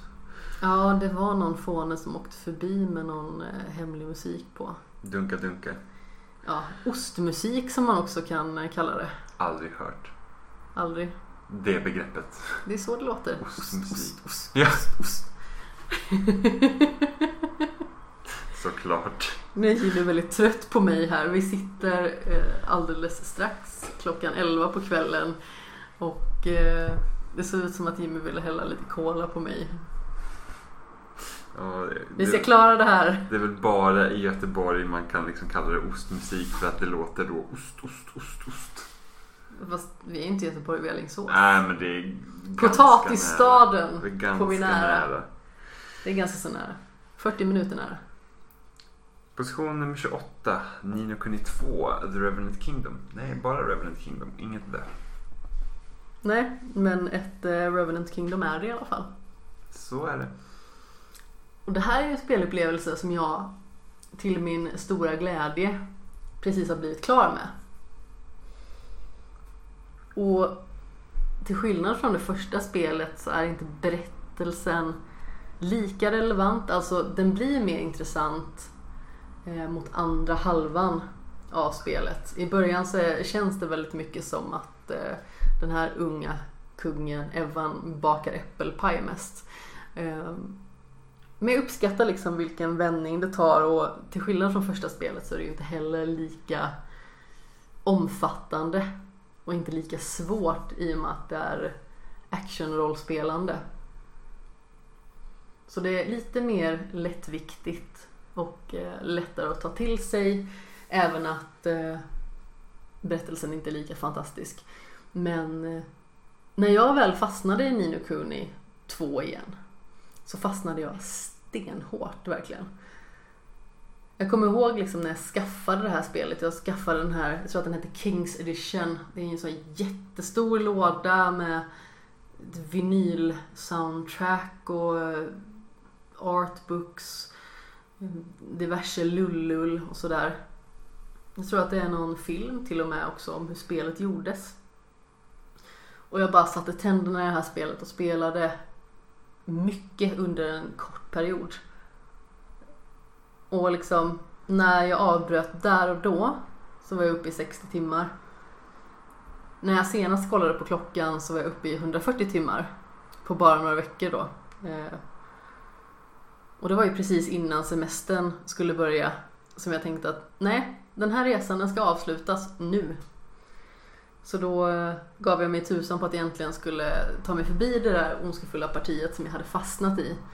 Och eh, det är verkligen så bra som jag minns det. Alltså det finns naturligtvis lite frustrerande sekvenser så som det finns i många spel. Eh, just det här när man ska ha en armé som eh, slåss mot andra arméer eller större fiender och sånt. Jag tycker ju inte att det är jätteinspirerande men allt annat spelmekaniskt är ju väldigt roligt. Det är väldigt roliga strider. Och sen så blev jag tydligen beroende av att göra både små och stora sidouppdrag och gjorde dem typ in i fördärvet. Och eh, jag hade väldigt svårt att släppa det här spelet. Det som knäckte mig egentligen, precis som jag har berättat i spelsnack om man har lyssnat på det avsnittet när jag liksom stänger kapitlet Nino Kuni nästan. Det var ju att jag hade klarat spelet. Eh, om vi liksom tar det till, till huvudberättelsens sätt. Och sen så tänkte jag att jag skulle göra någonting som heter Dreamers Doors. Alltså att jag skulle ta mig igenom alla de här Just för att det skulle hjälpa mig att bli klar med ett sidouppdrag. Vilket i sin tur förmodligen ger mig en ny karaktär till mitt kungarike. Och eh, när jag satt och spelade den sista av de här eh, labyrinterna som det är. Eh, slumpgenererade också. Då buggar spelet ur fullkomligt och eh, jag blir liksom fast i eh, ett rum med fyra väggar som inte har någon utväg. Och jag kunde liksom inte göra något annat än att stänga av och inne i den här labyrinten så kan man inte spara heller. Så eh, det var där det spelet liksom till slut tog knäcken på mig och eh, någonstans fick mig att gå vidare till ett annat spel som också kommer på den här listan snart. Position nummer 27, Uncharted 4, A Thieves End. Alltså för övrigt så här, otroligt svårt att säga 27 samtidigt som man sitter och stirrar sig blind på en 4. Men eh, lite sidospår. Eh, också känns som det bästa Uncharted. Jag har vandrat lite fram och tillbaka mellan fyran och tvåan. Och ibland så kan jag liksom känna att men, trean är faktiskt väldigt bra. Men jag, jag, tror att det är de två liksom, alltså Among Thieves och A Thieves End som jag har vandrat emellan. Liksom, vilket är bäst. Och eh, jag kan faktiskt inte riktigt avgöra det. Det känns som att det är lite dagsform någonstans. Jag tycker om själva resan väldigt mycket i andra spelet medan fyran så är det liksom mer någon form av personlig utveckling som blir intressant och man får veta mer om hans bakgrund. Och det är det jag gillar mycket med trean också som många ser förbi. Det är liksom att man får mer kött på benen kring vem är Nathan Drake? Vad har han för relation till Sally? Vad har han liksom för relation till världen i allmänhet? Jag tycker att det är ganska intressant att du fäster dig vid Nates bakgrund liksom som typ barn och sådana grejer. Eh, för det är något som inte jag egentligen är jätteintresserad av. Liksom när det kommer till en charter. Jag tycker liksom inte att Jag tycker inte att hans tid i barnhemmet i fyran är liksom det mest intressanta. Eller det som gör någonting som jag tycker liksom gör att jag tyr mig till karaktärerna egentligen. Men jag gillar när han knyter an till andra karaktärer. För liksom i tidiga spel, eller framförallt ettan, då gillar jag nästan inte Nathan Drake alls. För jag blir liksom bara irriterad på honom varför han är en sån fåntratt. Och jag gillar liksom att se att det finns något annat än den här liksom plojiga ytan. Mm, jag kan förstå det. Dock det som jag tycker gör Uncharted 4 så bra är det att det bygger på de relationerna man har byggt genom tidigare Absolut. spelen. För det är egentligen lite samma sak som gör att jag tycker att det är ganska kul, eller alltid tyckt att det är väldigt kul att liksom följa tv-serier och sånt för att man liksom man får lära känna karaktärerna som man ser under en längre tid till skillnad från liksom en film som ska vara över på två timmar. Nu tycker jag inte att det liksom är liksom en riktigt bra film fortfarande liksom är ett, är ett fantastiskt sätt att titta på men det är ett liksom annat sätt att bygga berättelser kring. Men just det här att man liksom fick se, alltså fjärde spelet i serien, ja egentligen femte om man ska vara petig. Ehm, Ja just det, för det är ju liksom det här The Golden Abyss Ja, va? till PS Vita. Exakt, jag har det men jag har inte spelat den. det är helt okej. Jag trodde du skulle säga att det var kass. Ja, nej, nej, Krossa det- mig det- totalt nej, och bara nej, såhär, det, det, förlåt plånboken. Det är ett helt okej spel men kanske inte så att man liksom kommer ihåg jättebra. Eh, Men just det här fyran, liksom, att man har fått bygga upp de här karaktärerna under längre tid och att liksom eh, Just att det är liksom lite slutet av hans liksom typ karriär av då äventyrare slash massmördare. Ja, det är ju Eh. lite obehagligt faktiskt när man tänker på det ur den ja, aspekten. liksom, o- om man liksom, om man liksom nu ska gå liksom vad, det är ändå ett spel liksom. Så att ta det ena med det andra. Men eh, liksom det här med att liksom trött, liksom sista heisten i princip. Eller sista skattjakten. Så man får liksom och han har liksom ett helt annat liv. Han har sitt liv med Elena och liksom lite sånt. Det är det jag tycker liksom. Mm, men det kliar i fingrarna på honom. Ja. Eh, Och det är någonting också som gör att det är en av anledningarna till att jag tycker att God of War 2018 som släpptes var ju det att när, liksom, när de visade upp det på E3 första gången så var det typ så här att åh nej vad synd att de inte gjorde en hel reboot. För att jag tycker inte att Kratos från de tidiga spelen är liksom så jättespännande. Men Han är också extremt osympatisk. Ja, men just det att de kan bygga den nya karaktären på den gamla. Och liksom tar allt det han liksom har varit med om och sen liksom det är någonting han måste finnas i så gör det så att det är väldigt mycket intressantare. Och det är därför jag också tycker att Uncharted 4 är så bra också. För att de kan liksom ta den här karaktären, de här karaktärerna som de har byggt under, under, upp under så lång tid. Och det de har varit med om tidigare, det är någonting som de har med sig. Så det, det gillar jag. Mm. Ja, God of War är ju ett så enormt stort ok i min skämshög verkligen. Så att det är sorgligt men en dag. Ja, och det, samtidigt ska det bli spännande att se liksom någonting så att jag har ändå spelat de tidigare God War-spelen även om inte jag har någon så här stor relation till den karaktären. Så bara, bara med den vetskapen så gör det att man liksom kommer in med, med liksom ett, ett annat tänk när man spelar det nya spelet. Eh, position nummer 26, Firewatch. Ja herregud så många blandade känslor det var för det här spelet. Det är ju en väldigt tragisk inledning. Som eh, alltså, väcker så mycket mm, sorg och ensamhet och... Alltså... Det är liksom en tuff inledning man får på det här spelet. Det är ju ett väldigt effektivt sätt också. Som många spel tar till liksom att man börjar liksom i uppförsbacke. Det är ju samma sak i The Last of Us liksom att du börjar på botten så måste du lite grann jobba dig upp. Ehm, Men alltså den relationen man bygger liksom med Delilah och när man rör sig runt i naturen. Alltså det blir en ganska så varm upplevelse och, och sen så blir den naturligtvis lite mörkare under vissa sekvenser och nästan lite, lite obehaglig sådär. Jag kommer ihåg hur jäkla besviken jag var på Delilah alltså i slutet. Jag var så här, hur kan du göra så här mot mig? Kan du bara åka härifrån liksom och lämna mig?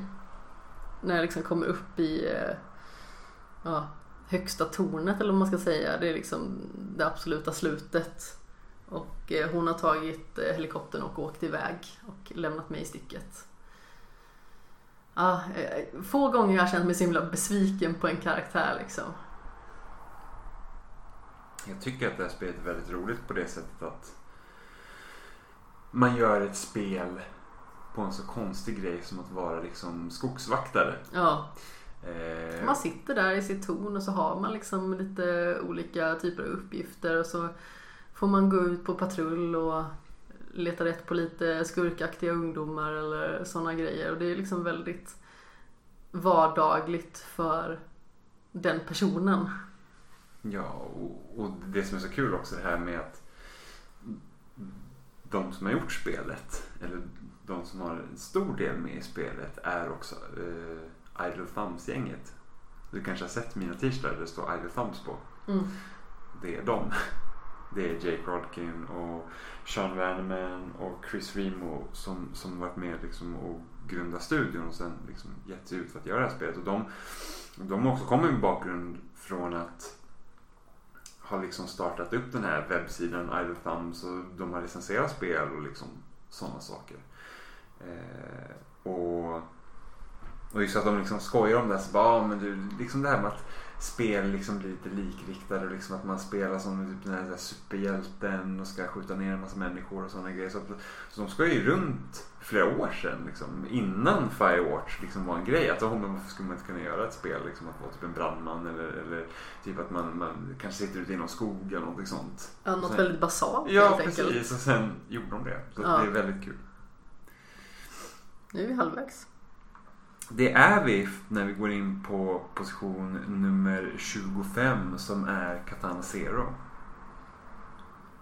Också ett spel som är så otroligt intressant i sin spelmekanik tycker jag. Alltså Det finns ju naturligtvis många andra intressanta aspekter liksom med karaktären som man spelar och dess mående men Det som jag verkligen älskar med spelet som med de här lite svårare 2D-spelen Det är liksom hur man använder sig av olika typer av eh, förmågor för att ta sig igenom banorna. Och eh, just liksom den här grejen med att man har en tillbakaspelningsfunktion. Liksom att när du avlider på en bana då spolas bandet tillbaka som om ingenting har hänt. Mm, för att det inte hände. Ja, exakt. Eh, Så det är väldigt roligt faktiskt. Är Liksom intressant grepp med tanke på att det bryter ju liksom illusionen ibland i vissa spel när man kanske dör mycket eller så. Men här blir det liksom en eh, annan grej. Så. Mm. Det är någonting som, man, som flera utvecklare har liksom lekt med. Liksom det här med att hur, hur ska man hantera ett spel liksom, om man börjar göra liksom så här typ att ja, vi, gör, vi gör spel som är mer narrativt drivna men hur gör man om man inte vill liksom bryta illusionen av att du gör fel eller liksom att du Mm. dör. Eh, som till exempel Uncharted har de ju sagt att du förlorar egentligen inte liv i Uncharted. Liksom på det sättet att, att när när eh, liksom skärmen blir liksom mer liksom urvattnad och sånt när du liksom folk skjuter på dig att du dör för att din, eh, din tur tar slut. Mm. Vilket är ganska kul. Eller till exempel Prince of Persia, Persia eh, Prince of Persia Sands of Time. Perfect, perfect, perfect. Eh, där eh, tiden spolas tillbaka när du dör också. För Ja. att det hände inte. För att du är inte död. Ja, men det är en väldigt eh, elegant lösning kan jag tycka. Och eh, det funkar ju väldigt väl med resten av spelet också. Sen så jag kände mig så kanonhäftig som den här karaktären. Och jag vet att det kanske är tråkigt att fokusera på det när spelet verkligen försöker säga någonting. Men eh, jag kände mig superhäftig att eh, liksom få svinga mitt svärd och härja runt med det och eh, kunna liksom hitta på intressanta och kreativa lösningar för att ta mig igenom banan. Position nummer 24. The Sojourn. Ja, det här är ett spel som eh, jag verkar vara den enda personen som har spelat. jag, jag känner ingen annan som har spelat det här spelet. Och det är lite synd för att eh, det är ett makalöst bra pusselspel. Jag kommer ihåg att jag eh, pratade med vår kollega och nära vän Oliver Thulin om det här spelet. Och han var väldigt bestämd och inställd på att det här är ett Jimmy-spel. Eh, och jag gissar att det liksom är för att eh, han kunde dra liksom paralleller till The Witness som inte jag har spelat då. Men eh, alltså The Sojourn har så himla många intressanta aspekter liksom hur man tar sig från den ljusa världen till den mörka världen och hur man liksom har en mätare som man behöver förhålla sig till i den ena världen. Och sedan så är det liksom så otroligt vackert bara. Alltså eh, hela den audiovisuella upplevelsen är så slående. Och det var en utmaning, det ska jag villigt erkänna.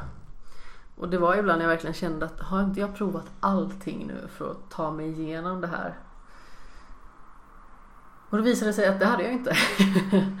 Eh, så det var liksom bara att försöka att eh, ibland kliva bort från spelet som man ofta kan behöva göra med pusselspel. Liksom, så att man får rensa hjärnan lite så att den får vila och återhämta sig så att man kommer in till upplevelsen med liksom uppfriskade ögon och eh, uppfriskad hjärna.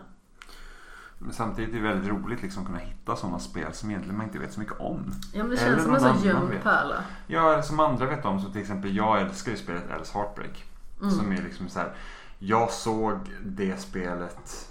Alltså första gången jag hörde talas om det spelet var ju kanske typ i level eller någonting sånt. Där det bara stod så här, typ spel att hålla koll på. Och, och det är ju svenskutvecklat av Erik Svedäng. Liksom väl upphovsmakaren till det spelet. Liksom, som har gjort mycket av det. Och sen och liksom bara ha en sån att, ah, men gud, hur skulle vi kunna lära typ människor att börja gilla att koda i ett spel? Vilket var också ganska kul att jag typ så här hade precis hoppat av min så här speldesignerutbildning när jag började spela det och kände så att jag vill absolut inte göra någonting som kodning göra men det, det är ett fantastiskt litet spel. Men eh, liksom att man kan hitta sådana spel som man inte vet om. Det är Ja. mycket. Jo men det är väldigt intressant på det sättet. Jag fick ju recensera det för loading. Och eh, försökte verkligen lyfta fram det så mycket som möjligt både liksom i ljud och text. För att det är så otroligt intressant bara. Eh, och kändes väldigt säreget. Och framförallt också kändes det väldigt speciellt för mig i och med att det kändes som att ingen annan upplevde det. På både gott och ont. liksom. Ja, men det känns som att man kanske vill ha någon att dela liksom, upplevelsen med men samtidigt så man känner sig lite som den utvalde någonstans. Att det var jag som spelade det här spelet. Eh, och jag får försöka liksom att eh, få andra att vilja spela det.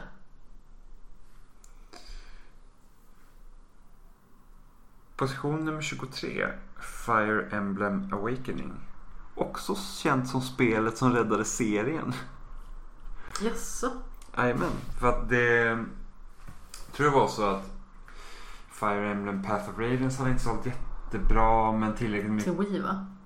Eller när var det GameCube? Det är GameCube. Och det var Radiant Dawn som var till Wii. Precis. Eh, och det spelet gick väl eh, helt okej. Sen tror jag att det kom väl något spel till DS.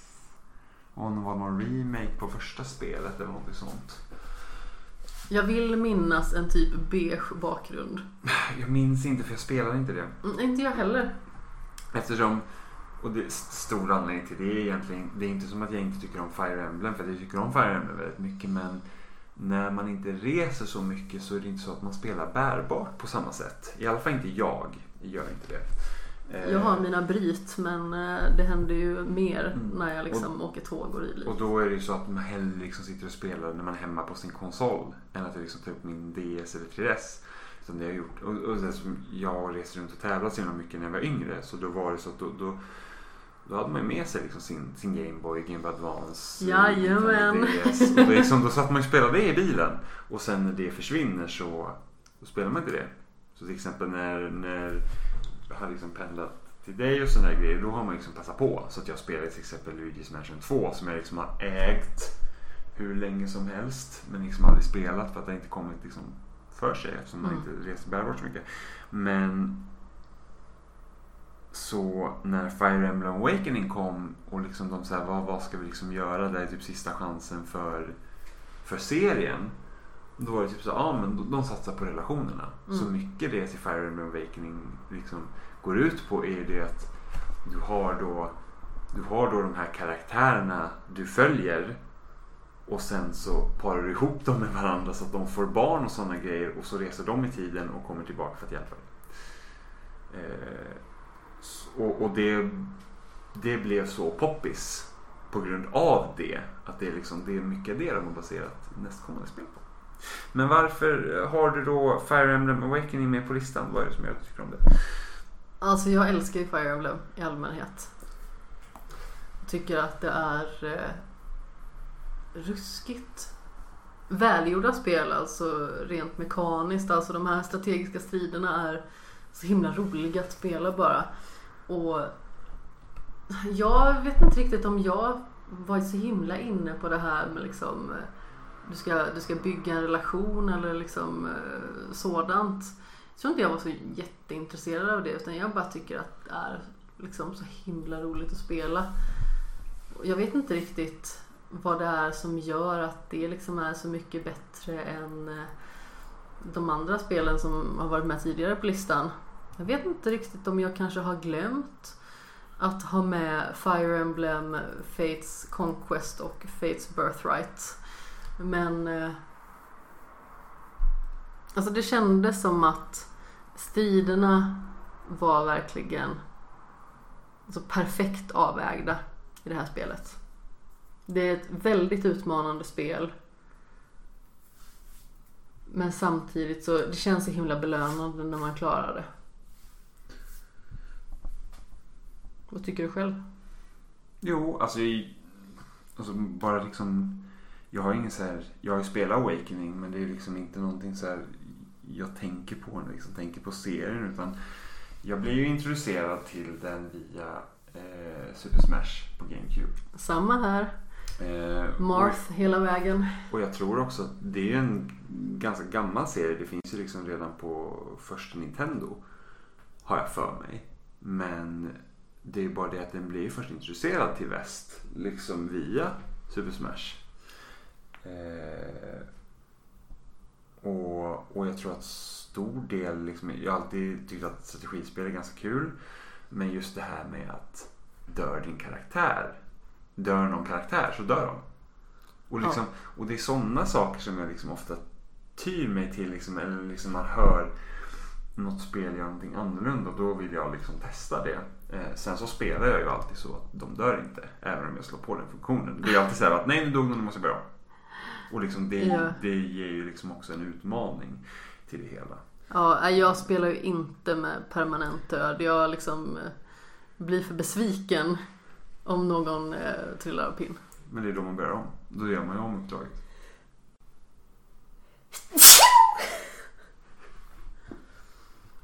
Ja. Ska vi gå vidare med den nysningen då kanske? Prosit. Tack. Eh, position nummer 22. Brothers, A Tale of Two Sons.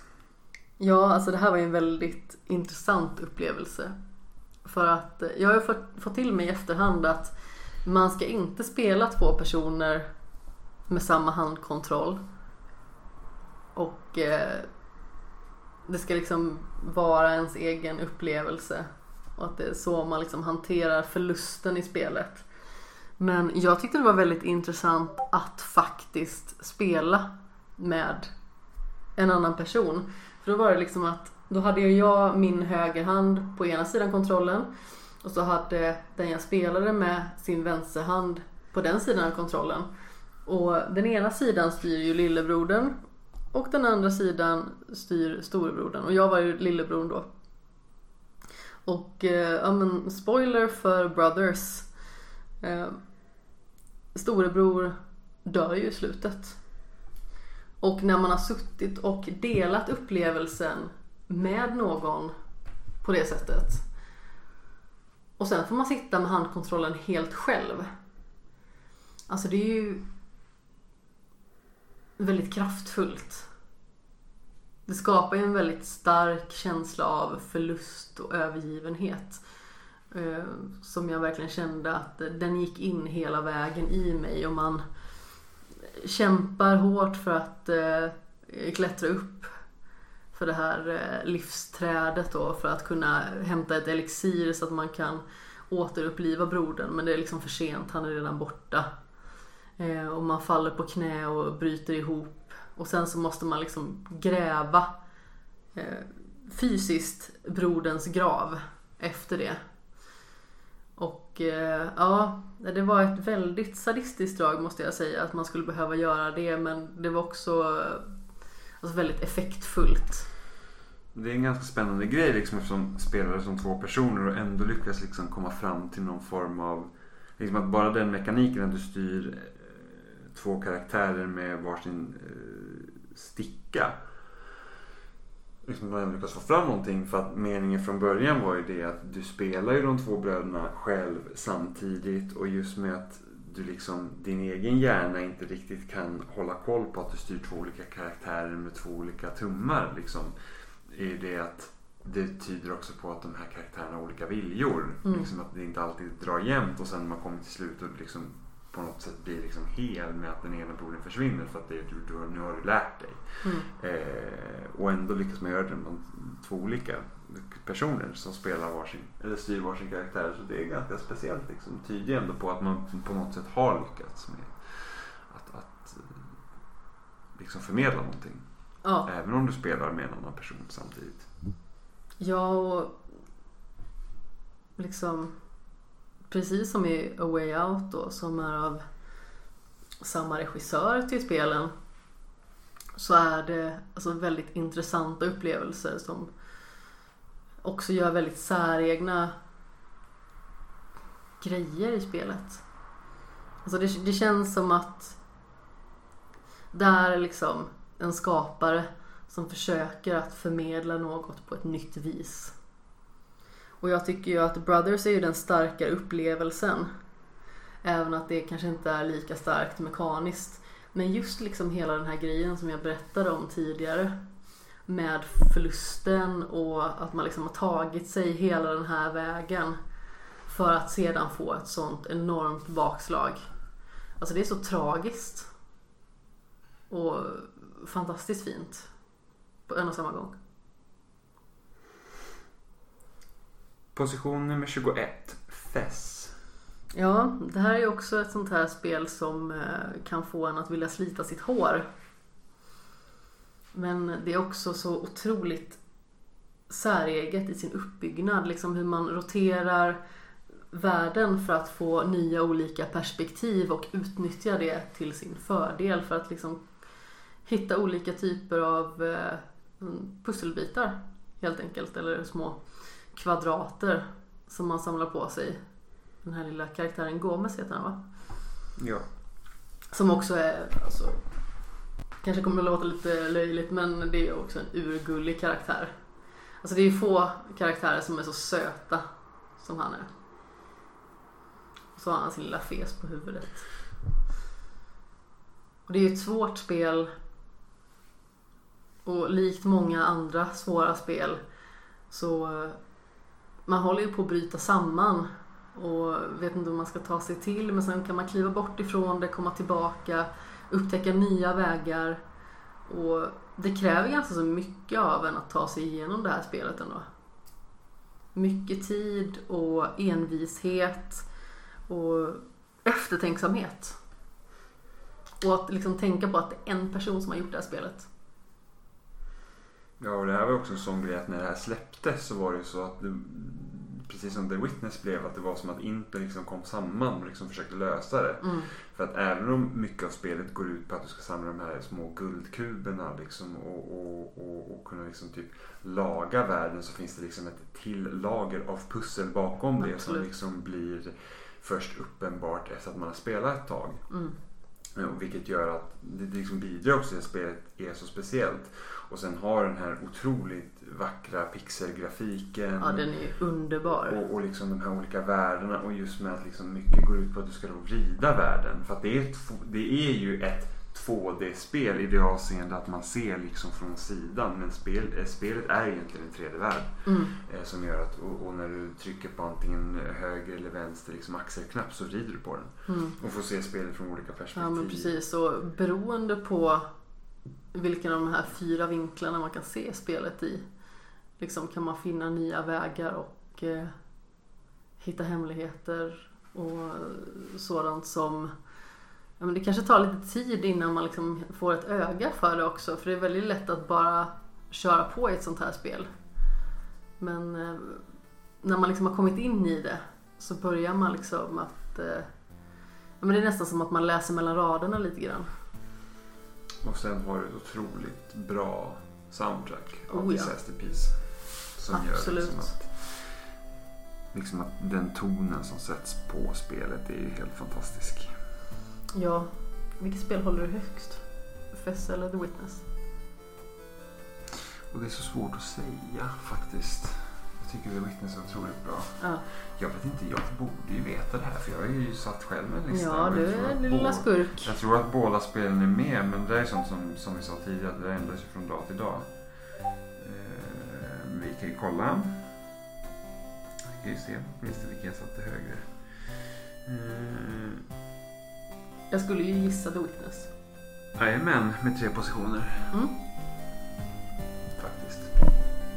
Så då vet vi det. Ja, spännande va? Cause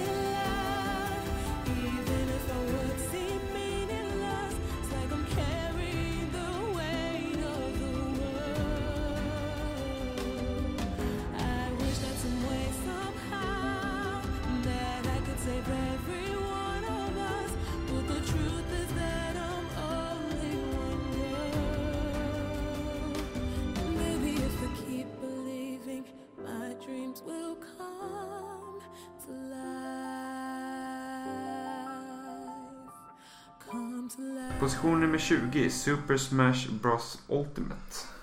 Ja. Ja, Ja, ja. Sade hon med drömsk blick. Nej men alltså, jag älskar ju Super Smash Brothers till GameCube.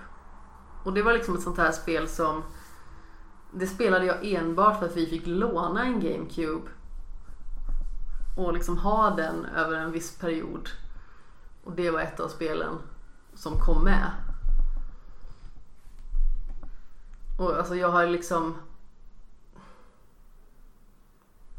sett eh, Smash-serien liksom innan. när- Det var väl på Nintendo 64 va? Eh, och ville liksom testa det men det var ju inte förrän på eh, GameCube och med Melee som eh, det verkligen tog fart ordentligt. Och det var en hel sommar när vi nästan bara spelade det. Och det spelades så himla mycket och det flög väldigt många liksom, eh, intressanta eh, svordomskombinationer från eh, Fröken Stens eh, rum. Men eh, alltså det, det är liksom en sån minnesvärd upplevelse bara med eh, Melly. Och framförallt liksom att man blir introducerad till eh, Fire Emblem-karaktärerna som sedan liksom skulle visa sig eh, finnas i en serie som skulle ligga mig väldigt varmt om hjärtat. Och det känns som att Super Smash Brothers Ultimate är den ultimata versionen på riktigt liksom av eh, Smash-universet. Det är liksom ett så himla roligt spel och det finns fler lägen som gör det intressant att spela. Alltså just det att man liksom kan spela med varandra för att försöka nå liksom en så hög poäng som möjligt just när man ska men, ta sig längre och längre i den här muralen. Mm. Det är väldigt roligt liksom att det finns ett, ett sådant läge. Eh, och, och liksom man kan samtidigt eh, spela med några kompisar som kommer förbi en kväll och sätta sig och sitta och skrika på varandra en stund. Och det är så makalöst roligt bara. Jag är en sån som jag, jag tycker det är roligt när man kör med eh, power-ups. Jag vet att det är många som förmodligen skulle vilja kasta lite kottar på mig nu eller kanske en pokéboll. Men eh, jag tycker att det är jätteroligt när det blir kaotiskt. Jag älskar när det blir kaotiskt i Smash. Mm. Och mycket av det som gör Ultimate så speciellt är att det är verkligen... Alltså, Super Smash-serien har ju blivit någon form av typ digitalt museum för Nintendo. Liksom Absolut. Att du, inte nog med att du bara har liksom karaktärerna som kommer från deras liksom typ eh, alla möjliga serier som de har haft genom åren och liksom musiken de har liksom i olika varianter, liksom klassiska varianter av, av deras låtar samtidigt som vi gör nya versioner av dem. Eh, och speciellt då om- och, och sedan liksom då Smash som alltså egentligen började det med Brawl liksom med, med både Sonic och Snake som liksom var gäster där och sen så har de bara utökat det och sen i, i, i Ultimate har ju liksom i princip blivit som nästan en, en, en kärleksförklaring till hela mediet. Absolut, det håller jag med om. med alltså, olika, liksom, de har ju de här eh, inte bara karaktärer som kan spela som utan också så här typ eh, assist trophies och de här liksom stickersen de har i Ultimate som inte jag bryr mig speciellt mycket om. Eh, men också det att en, en, en kärleksförklaring till liksom seriens historia med att liksom hej vi har alla karaktärer som varit med någonsin. Mm. Spelar ingen roll. Alla är med. Vilket är helt fantastiskt. Något som jag önskar att Mario Kart också hade gjort. Liksom Ja. hej, vi tar alla banor som har funnits i Mario Kart. Någonsin är med. Bara knöka in det i ett spel. Ja, och det är någonting som det här är ju en ganska sidostickare men jag håller ju till exempel Double Dash högst för Mario Kart. Vilken eh, förvåning. Ja men, men det är liksom så. Och så tänkte jag så här, det här var skitkul att, att liksom ha alla Det är väl ett All- av dina favoritspel någonsin. Ja, det är mitt favoritspel någonsin. Eh, och liksom bara att kunna ha så här att ja, men alla banor är med. Men sen, sen började jag fundera på så här för att varje Mario Kart känns olika att spela. Så att jag Absolut. vet inte om man liksom ska kunna, för att till exempel ta banan DK Mountain som är den, det är liksom min favoritbana i Mario Kart Double Dash till exempel. Men den är inte lika bra i något annat spel som den är i Double Dash. För att Double Dash spelas annorlunda. Så att om det skulle komma typ ett Mario Kart så här, typ att ja men allt är med här så bara vad, tänk om de ska göra som 343 gjorde med Halo att, med Halo Master Chief Collection. För där har du ju liksom Halo 1, 2, 3, 4 numera Reach och ODST också i, de spel, i, i det spelet. Och där spelar du Halo 2 så är det Halo 2 spelar du Halo 3 så är det Halo 3 varför inte göra ett Mario Kart då där man bara sätter in alla olika spel i det spelet? Precis, det blir som någon form av eh, blandband. Ja, precis. Så att, så att om jag vill spela då Mario, eller liksom DK Mountain så kan jag spela som det kändes i Double Dash. Mm. Men det kommer ju aldrig hända. Förmodligen inte. Nej, så då tar jag hellre att alla banor någonsin har varit med. Och så får man spela ett Mario Kart 9 med allt plus nya banor. Det är väldigt kul. Position nummer 19, Inside. Ja. Det här var ett spel som jag gav mig själv i födelsedagspresent för några år sedan. När eh, spelet kom. Och det jag liksom verkligen slogs av var hur spelet använder väldigt små medel för att förmedla en känsla. Det är väldigt tryckande stämning. Eh, det finns väldigt många liksom obehagsväckande undertoner i spelupplevelsen. Och jag hade ju spelat Limbo tidigare. Och det här var ju verkligen ett uppköp kan man ju säga. För att de har liksom tagit den här lite, vad ska man säga, osmidiga karaktären som man ändå spelar i Limbo och så har de finslipat den. Så att eh, själva upplevelsen känns mycket mer tight. Så det kändes som att det var inte bara liksom en ännu mer intressant upplevelse än Limbo. Utan Playdead lyckades göra liksom en mer problemfri upplevelse också. Jag hade ju jätteproblem med i Limbo liksom att det var så himla många så här ologiska pussel. Det var så här, hur ska jag veta att man ska göra det här? Det är liksom bara ofiffigt. Medan här så kändes det som att det var ganska så lätt ändå att förlita sig på sin intuition i hur man skulle ta sig vidare. Och jag bara var stormförtjust i den här sekvensen liksom när man ska följa ett mönster, när man ska gå i ett led till exempel. Eh, efter andra personer. För det var verkligen så himla obehagligt att man liksom kände att gör jag fel nu? Då ligger jag så extremt brun till. Och det var liksom en så intressant nerv i det på något vis. Jag känner liksom att Inside är lite av ett, typ ett perfekt spel. För att det känns som att det de liksom satte sig för att göra med Inside, det var exakt det de gjorde. Mm. Och det är få spel man känner så för. Eh, Ja, det är fantastiskt. Det är liksom verkligen som att det känns perfekt när man spelar. Jag, jag, jag vet inte liksom Mm. man har gjort det annorlunda. Det var årets bästa spel för mig när det släpptes. 2016 vill jag minnas.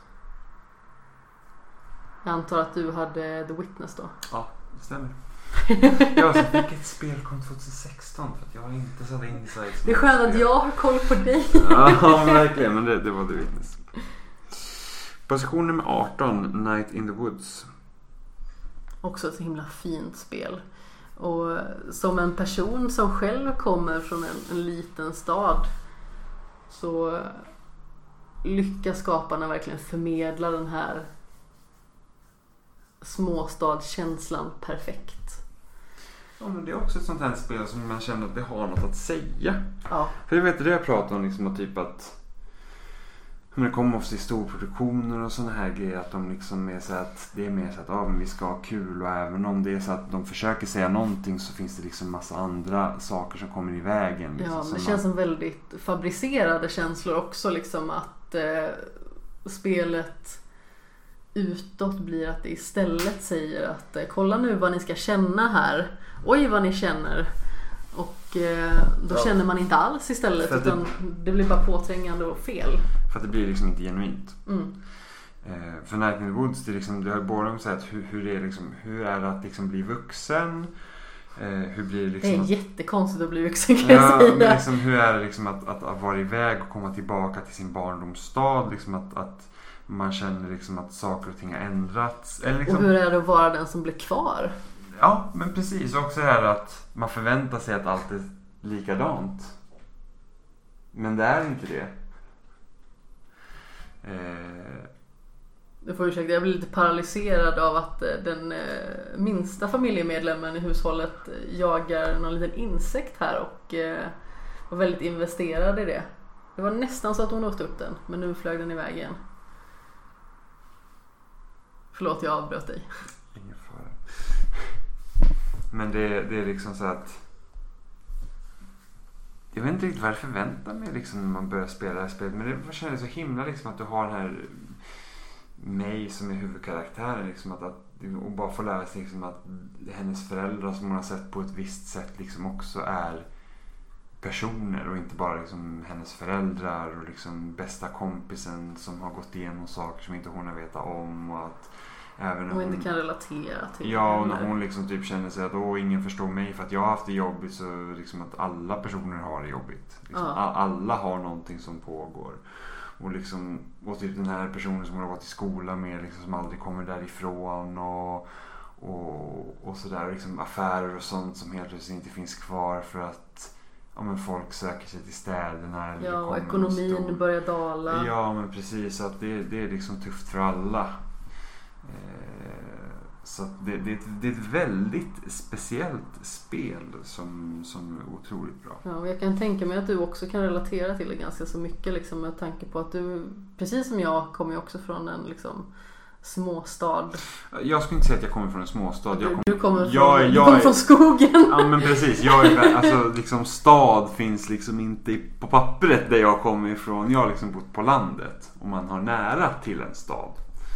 Eh, för det, det är något som också är ganska spännande hur folk definierar. Jag vet att vi har haft diskussioner om det på loading på det senaste. Liksom, vad är landet? Och vissa anser liksom typ, ja men ta, ta, ta en... Det är många som säger att Alingsås är landet liksom. Ja men precis. För mig är Alingsås absolut inte landet. Alingsås är en stad. Det är här en stad. Det, här, det är ingen storstad. Det finns 40 000 invånare Ja, ungefär. men det är ingen storstad. Men det är inte landet.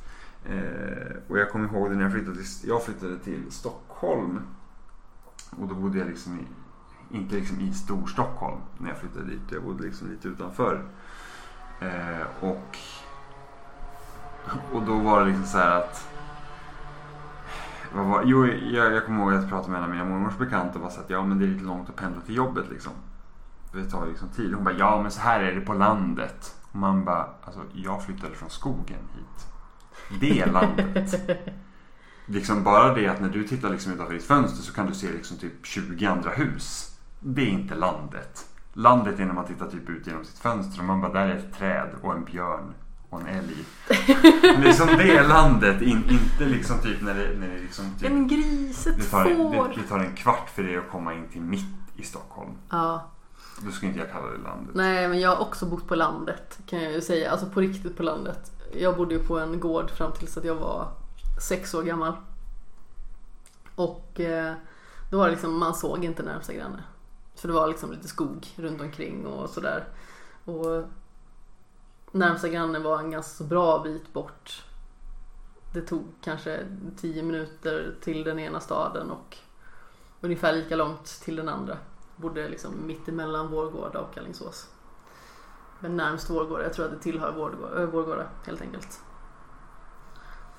Så ja, landet är liksom verkligen eh, ja, lite mer ute i ingenstans. Position nummer 17, Steamworld Heist. Ja, åh vad jag vill att du ska spela det här spelet och bara säga att du älskar det. Jag ska spela det. Ja, jag kan vet. inte svara på hur jag kommer gilla det dock. Nej, jag vet. Men det här är liksom strategispel på ett av de allra liksom bästa sätt. Och jag vet inte, jag, jag tror att jag kanske har någon form av förkärlek för spel där de faktiskt är i tvådimensionell vy. Förmodligen liksom på grund av att det är den typen av spel jag mycket spelade när jag var liten. Alltså till exempel eh, Super Mario Bros 3 skulle jag nog säga att om det inte är mitt favoritspel så är det ett av mina absoluta favoritspel någonsin. Eh, så det är liksom kanske roten till det. Men eh, just liksom det här konceptet med att du är ute i rymden och eh, du tar dig an liksom olika skurkar eh, med liksom ditt gäng då med Captain Piper i liksom täten. Och man får liksom väldigt roliga vapen att använda sig av och olika färdigheter. Och att det liksom finns olika sätt att ta sig an banorna naturligtvis. Så som det oftast finns i strategispel. Men alltså, jag bara älskar liksom humorn i spelet. Alltså som vi tidigare nämnde liksom, så är ju eh, and Form väldigt bra på att leverera humoristiska upplevelser eh, som bara gör en liksom fylld med spelglädje. Och det är någonstans där jag landar i med Steamworld Heist. Att liksom, det är väldigt lätt att anpassa sig ut efter vilken nivå spelaren är på. Och man ska liksom helt enkelt bara få kunna ha en så himla rolig upplevelse i den här tvådimensionella strategivärlden. Jag, jag bara älskar det. det. Det är så himla roligt att spela verkligen. Och knasigt. Och knasigt. Det är knasigt. Knasigt, vad roligt. Position nummer 16, Stardew Valley. Stardew Valley var ett spel som det tog lite tid innan jag kom in i det. Men det var ju så att du och jag och Emma och Robin, våra vänner, eh, satt oss och spelade det här ihop. Och då kom jag verkligen äntligen in i det. När vi spelade det tillsammans. Och det som var så himla roligt med att vi spelade tillsammans var att alla fyra fick en sån tydlig roll. Eh, Du var den här galningen som hela tiden sprang runt och vattnade allting och sen så gick du till affären och spenderade alla våra pengar på fröer. Men jag försökte ju maximera vinsten. Ja, jag vet att du försökte maximera vinsten. Men det var väldigt roligt i alla fall. Och sen så var ju Robin den som liksom fokuserade mer på alltså, både liksom gruvan och sen att liksom eh, bygga upp lite mer med djur och den typen av åtaganden och sen hade vi Emma som fokuserade kanske lite mer på det estetiska och sen hade vi jag som bara gick och fiskade hela tiden. Och varenda kväll eh, så var liksom den stora frågan, kommer Amanda hinna i tid hem? Eller kommer hon somna på, vä eh, på vägen? Och det är ju liksom så att klockan två på natten i Stardew Valley, då är det liksom, då är det godnatt som gäller. Och är man inte i sängs då, då somnar man på stället. Och det är flera gånger som ni har varit lite svettiga under armhålorna liksom bara för att jag har liksom kommit in i sista sekund för att jag har varit och fiskat någonstans. Och det är bara så meditativt också att, att stå och fiska i Stardew Valley. Jag älskar det. Det liksom gör mig varm i hela kroppen och efter att vi liksom slutade att spela det för att det började liksom närma sig juletider och vi hann inte lika mycket och det fanns andra spel som behövde prioriteras helt sonika så då kände jag liksom att ja, men det finns ingenting som jag är sugen på att spela riktigt. Jag kände att jag liksom jag var mätt på många olika typer av spelupplevelser utan jag bara så här, gick tillbaka till ett så mysigt och simpelt spel som Stardew Valley. Och fick bara liksom bli förälskad i den här världen och bara vistas i den. Och bara mysa runt och framförallt naturligtvis alltså, fiska jättemycket. För av någon anledning så är det min grej nu i spel. Jag vet att du kollade lite eh, snett på mig och, och fnissade när jag började fiska i Nier Automata också för några veckor sedan. Det var att jag tycker inte om fiske i spel. Jag tycker att fisk, alltså jag vet det är typ såhär Zelda, Det är jätteroligt i Zelda. Animal Crossing också. Zelda Green of Time och så här, det är liksom fiskeminispel. Det är så himla roligt. Jag är såhär bara, "Ugh, det är så, så onödigt tycker jag. Alltså Animal Crossing är okej att fiska i bara för att det är så du tjänar pengar. Men det är liksom... Men jo men det en- gör man ju i Stardew Valley också. Men det är också en... Oh, men där är ju grödorna som är i fokus. Mm, Kan du ju tycka. Så är det. Men eh, liksom i, i, i Animal Crossing så är det också meningen att du ska fiska. Och det är samma sak i Stardew Valley så är det också meningen att du ska fiska. Så då är det liksom helt okej. Men typ Zelda, det är inte meningen att du ska stå och fiska. Det är liksom bara en bonusgrej. Och då är jag såhär, bara vad fan. Ja, det är inte direkt meningen att man ska stå och fiska i Nier Automata heller. Men man får en trofé om man fångar 20 olika sorters fiskar. Så hej. Men jag har inte fiskat i Nier Automata. Nej men det har jag. Ja, och ingen är förvånad. Position nummer 15, Marvels Spider-Man. Ja, jag kommer ihåg när jag eh, gästade Spelsnack för två år sedan. I avsnittet Pluppdåre. För att det var så jag kände mig. Jag kände mig som en pluppdåre för att jag ville liksom typ utforska allting i det här spelet. Och jag bara älskade svingmekaniken. Insomniac verkligen omfamnade det de har i ryggen med Ratchet Clank och så applicerade de det perfekt på Spider-Man. Och liksom eh, återigen, det liksom Insomniac levererar sån enorm spelglädje. Jag älskar det här spelet. Och det var många liksom, inklusive jag själv då, som eh, innan spelet spelades var så här, ja men det där ser ju ut som att man liksom har tagit Batmans kontrollschema och så har man liksom applicerat det på en tanigare karaktär. För det var ju lite åt det hållet. Men det känns väldigt annorlunda att spela i relation till Batman. Och jag tycker om det mycket. För att de två karaktärerna är så himla olika. Och men, Nämnde jag svingandet? Det gjorde jag förmodligen. Mm. Jag, förmodligen jag kan nämna svingandet, svingandet, svingandet. Svingandet är perfekt. Alltså det är en sån grej som jag vill bara svinga i Spiderman. Jag känner mig så häftig och levande och att bara liksom känna så i ett spel att jag vill inte ta liksom en fast travel. För att jag vill svinga till nästa uppdrag. Och jag svingade överallt. Jag tror enda anledningen till att jag tog en fast travel någonstans det var förmodligen för att man fick en trofé. Så ja, svingandet är, det är magiskt. Sen berättelsen var också alltså, intressant på sina håll även att man liksom kunde lista ut vad som skulle hända. Men ja, det var verkligen så otroligt roligt att spela bara. Mm. Man fångar känslan att vara Spider-Man. På samma sätt som Rocksteady fångar känslan att vara Batman Absolut. i Arkham-spelen. Och sen det är det liksom att att de också liksom att de kunde liksom ta med klassiska Spiderman-karaktärer och ändå göra någonting annorlunda med det. Liksom att inte, Känns nytt och fräscht. Ja, och inte följa mallen helt och hållet även om det liksom kanske lutar dit. Alltså att det blir, alltså resultatet sen blir så att ja men den här karaktären som man kanske trodde var liksom snäll visar sig vara skurken till slut Mm. eller, eller vara en skurk. Eh, men ändå liksom lyckas göra att man liksom tvekar. Så det, är, det lyckades de väldigt bra med. Position nummer 14, Fire Emblem Three Houses. Ja. Jag är i och för sig väldigt förvånad över att du satte Three Houses över Awakening. Mm. Jag satt faktiskt och tänkte på det. Jag antog att jag skulle få den lilla piken eh, för att jag var ganska så säker på att du uppskattar Awakening mer. Men det som jag verkligen gillar med Three Houses det är att jag faktiskt börjar bry mig om vad karaktärerna gör i spelet. På ett eh, mycket liksom större vis än vad jag har gjort tidigare.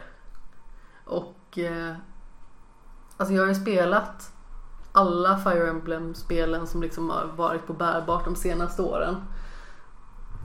Och jag bara tycker att det här är liksom den ultimata versionen av Fire Emblem.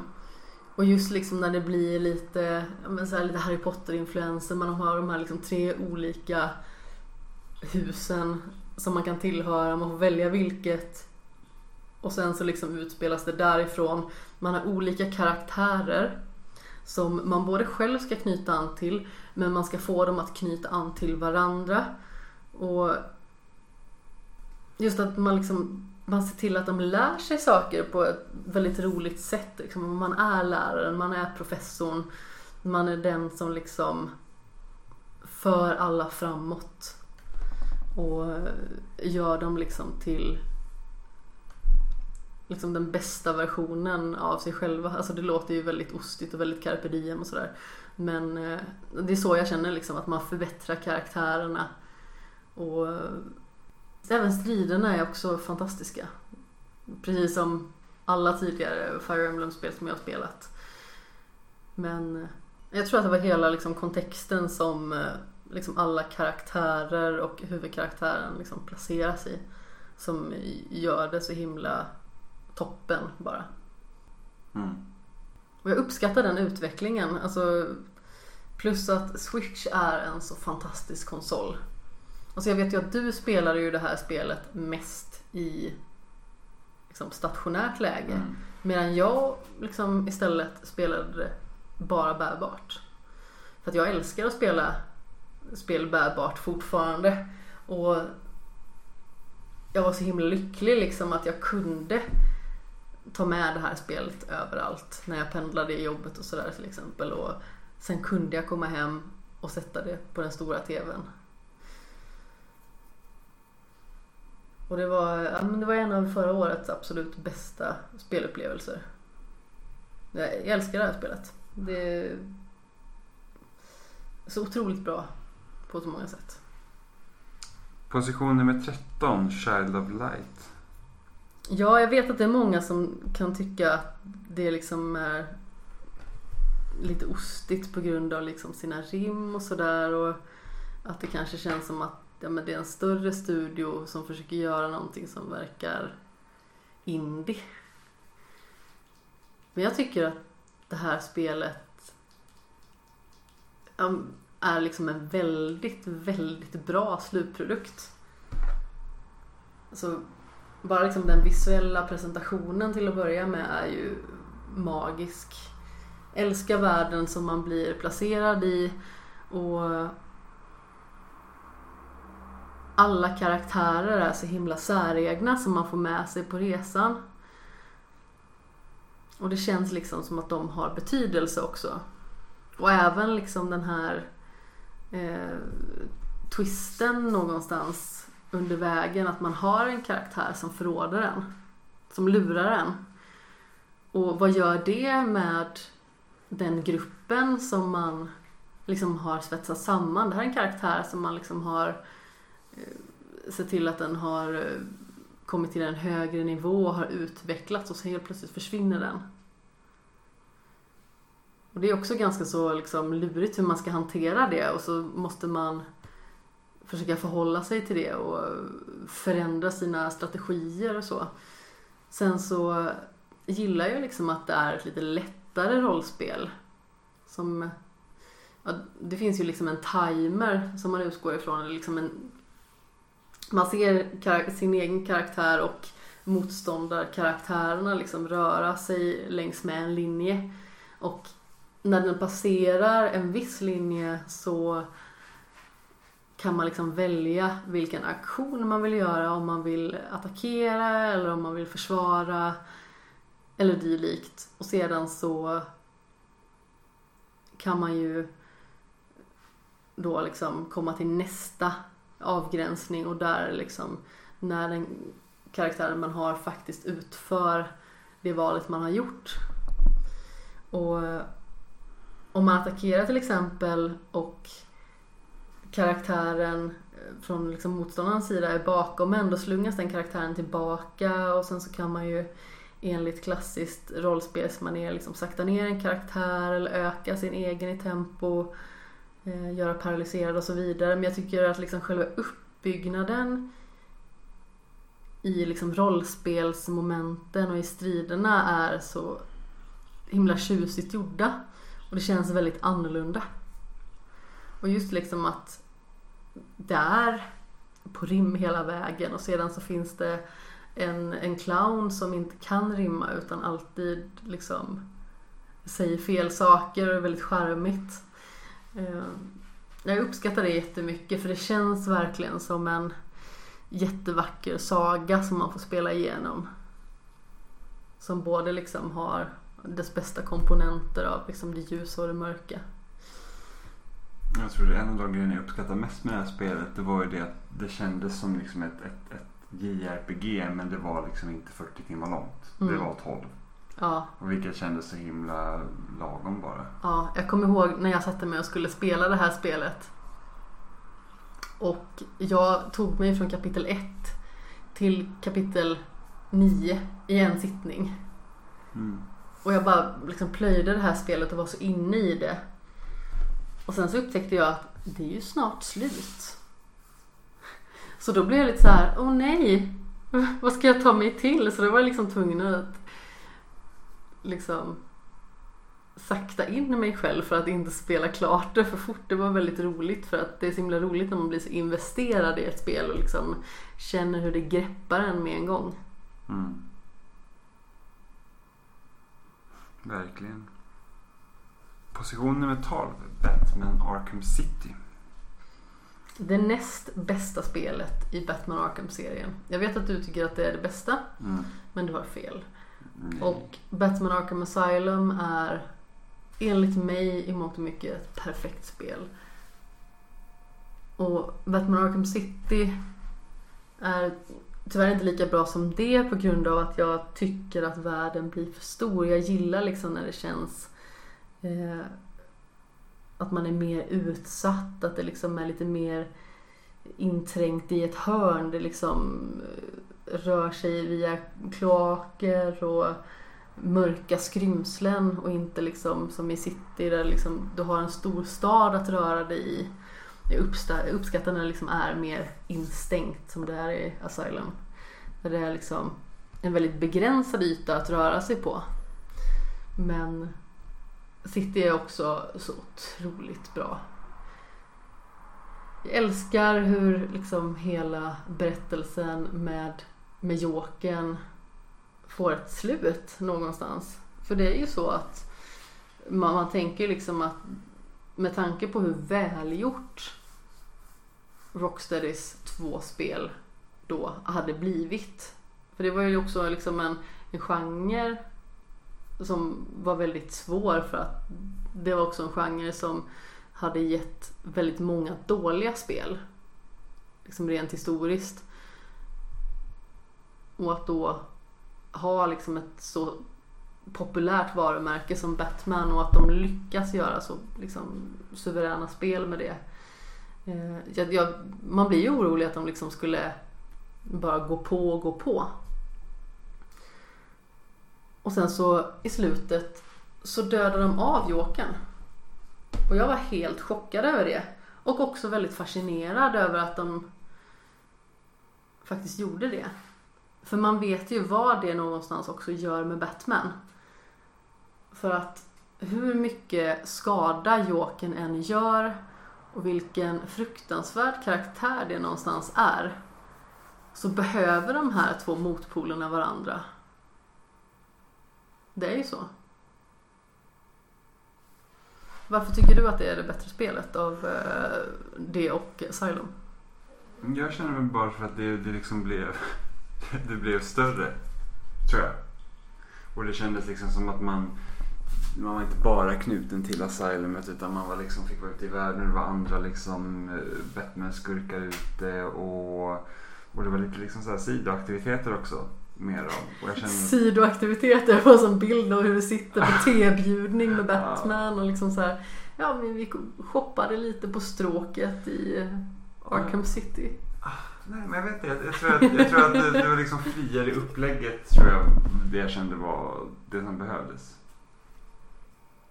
Ja, och det var lite före den här överanvända öppna värld-tiden också. Ja men det var inte så vanligt på de förra konsolerna för att de klarar helt enkelt inte av att Mm. ha så stora öppna världar. Eh, så det var typ det jag tyckte om tror jag. Position nummer 11, Near Automata. Gud jag sa det där Jag tror konstigt. Automata. Near Automata. Ja. jag har ju fortfarande inte tagit mig igenom alla slut i det här spelet.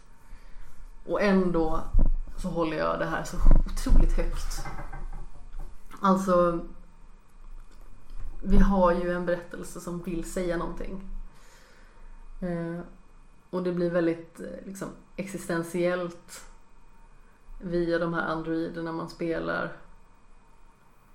Och sen liksom att upplägget är väldigt speciellt också. Liksom att du, du spelar olika varv för att nysta upp liksom hela berättelsen och vad den vill säga. Men du har spelat, vad var det första varvet du hade spelat? Mm, det har jag gjort. Och en bit in på andra. Mm. Vad tycker du liksom om det upplägget? Alltså jag, jag ju väldigt svårt för att man ska liksom behöva spela om delar av ett spel. För att kunna liksom se resten. Ja absolut. Alltså, jag tycker inte egentligen om det heller. Men sen så är det ju så att det finns ju väldigt stora eh, olikheter. Alltså bara ta eh, hur karaktärerna spelas till exempel. Eh, Vi har ju 2B till exempel som är en väldigt så här klassisk eh, krigar-android då. Liksom du har en, ett svärd eller en yxa. Och sen så har vi 9S som då istället kan hacka in i olika maskiner till exempel som man möter och det blir liksom att det blir lite mer färskt när man då spelar andra värvet. Och jag hade inte utforskat det så himla mycket nu när jag fortsatte att spela Nya Automata. Men eh, det var väldigt roligt och då helt plötsligt såg jag fram emot att spela som 9S för att det fanns liksom någonting som bröt det här liksom vanliga actionrollspelandet. Även att det är så ett fantastiskt välgjort actionrollspel. Mm. Men jag vill också spela klart alla varv för jag vill veta vad som har hänt. Men sen är det också Yoko Taro som eh, har varit med och gjort det här spelet. Han har ju också liksom han leker ju också med vad man kan göra med mediet och det uppskattar jag väldigt mycket för. Mm. Precis som typ Hideo Kojima liksom liknande. Att det är liksom man, anledningen till att spelet är upplagt som det är av en väldigt specifik anledning. Mm. Sen om man Du vill inte- säga något väldigt specifikt. Precis och sen om man inte tycker om det eller inte det, det är ju också okej men liksom Mm. just att han för jag vet ju vad som händer när man har klarat alla delar Mm. i spelet. Eh, och liksom, det är väldigt speciellt. Det är bara synd att det är liksom bakom en, en sån liksom ganska lång och utdragen grej att man måste spela Mm. om så många grejer. Att jag tror även att det hade funkat om du hade bara fått spela de delarna som är unika för dem på ett sätt. Ja, alltså, så är det man, mycket möjligt. Så att man inte behövt göra om exakt samma saker. Mm. Jag, jag känner ju liksom att det här spelet hade varit makalöst. Även liksom bara i en genomspelning. Det har liksom varit en fantastisk resa till syvende och sist. Men det är ju liksom alla de här varven som gör det speciellt. Och jag var ju lite orolig innan jag började liksom på andra varvet. Eller framförallt innan jag fortsatte på andra varvet. Liksom att det skulle bli för likt. Men det är inte heller det. Eh, och det finns väldigt liksom säregna partier för respektive varv eller vad man ska säga. Och jag är ju på, på det sista. Så jag längtar efter liksom att allting ska slutligen nystas upp. Jag har ju spelat ändå 50-52 timmar eller någonting. Det där är problemet med att spela om spelen, att de blir så långa. Det är någon typ med Resident Evil 2 Remake när man spelar första gången som eh, Leon och sen andra gången som Claire. Att du kan liksom bli klar på fem timmar på Mm. andra varvet. Liksom. Och då är det inte lika tids, stor tidsinvestering. They say